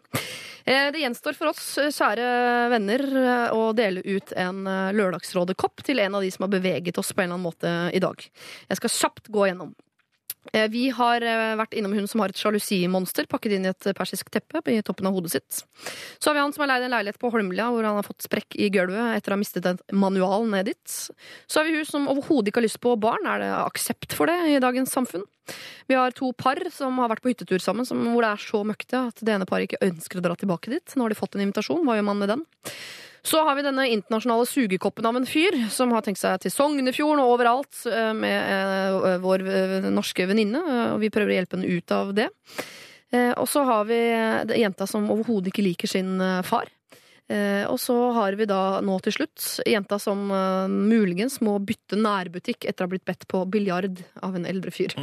Jeg tenker jo at Hvis man skal ta den som har det liksom største og mest alvorlige, i den eh, grad man skal gradere problemer, så Ja. syns jeg jo den som hater sin far, Ja. eh, er den som kanskje liksom har det vondest. Hvis man skal tenke Ja, sånn. det tenkte jeg også. Absolutt. Det er sånn som Hvis det er det kriteriet man skal bruke. Hva mener du, Lars Berrum? Hva mener du?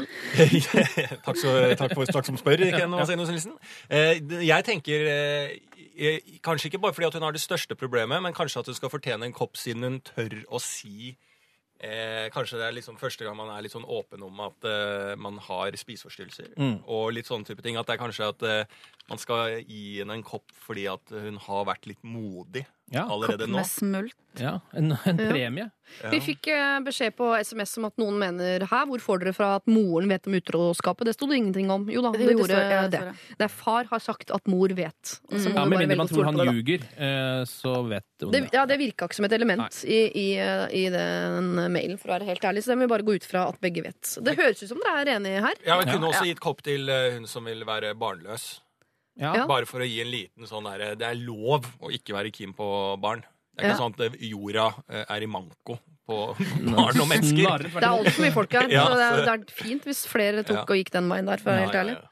Eller tok en litt sånn kinesisk regime. Selvsensur på antall unger. Ja. Eh, ja, er dere, dere må bli enige. Jeg har ikke noe jeg skulle sagt, jeg. Er ikke det hate far som får? Jeg, jeg syns det, ja. Jeg syns Ja, liksom jeg den, det. det må ta, det tar litt mot å sende det inn, eh, tenker jeg. Og så er den veien fram er veldig, veldig vanskelig nå. Ja. Så en liten påskjønnelse der syns Og jeg vi er ga på sin plass. vanskelig råd. Ja, faktisk. Og så kan vi ikke sende med en liten lapp oppi den koppen til henne der det står at uh, man ikke skal At uh, målet her må jo være fortest mulig å ikke hate sin far over det. Ikke hatt far, ikke Ja. hatt mor, ikke hatt kroppen din. Ikke hatt, altså, uh, få bort noe hat. Legg Eh, hat i koppen i stedet. Ja, og så pælmer du den i veggen, knuser den, og så får du en ny. Sånn er det altså. Uh, kjære deg, gratulerer med det, og tusen takk til dagens rådgivere for at dere kom hit og ga kloke råd i dag. Uh, Ken, Lars og Synnøve. Lørdagsrådet er tilbake om en uke, så fortsett å sende inn problemer på lralfakrøll.nrk.no. Dagens sending er produsert av David Olath for NRK P3. P3 Dette er Lørdagsrådet på P3. P3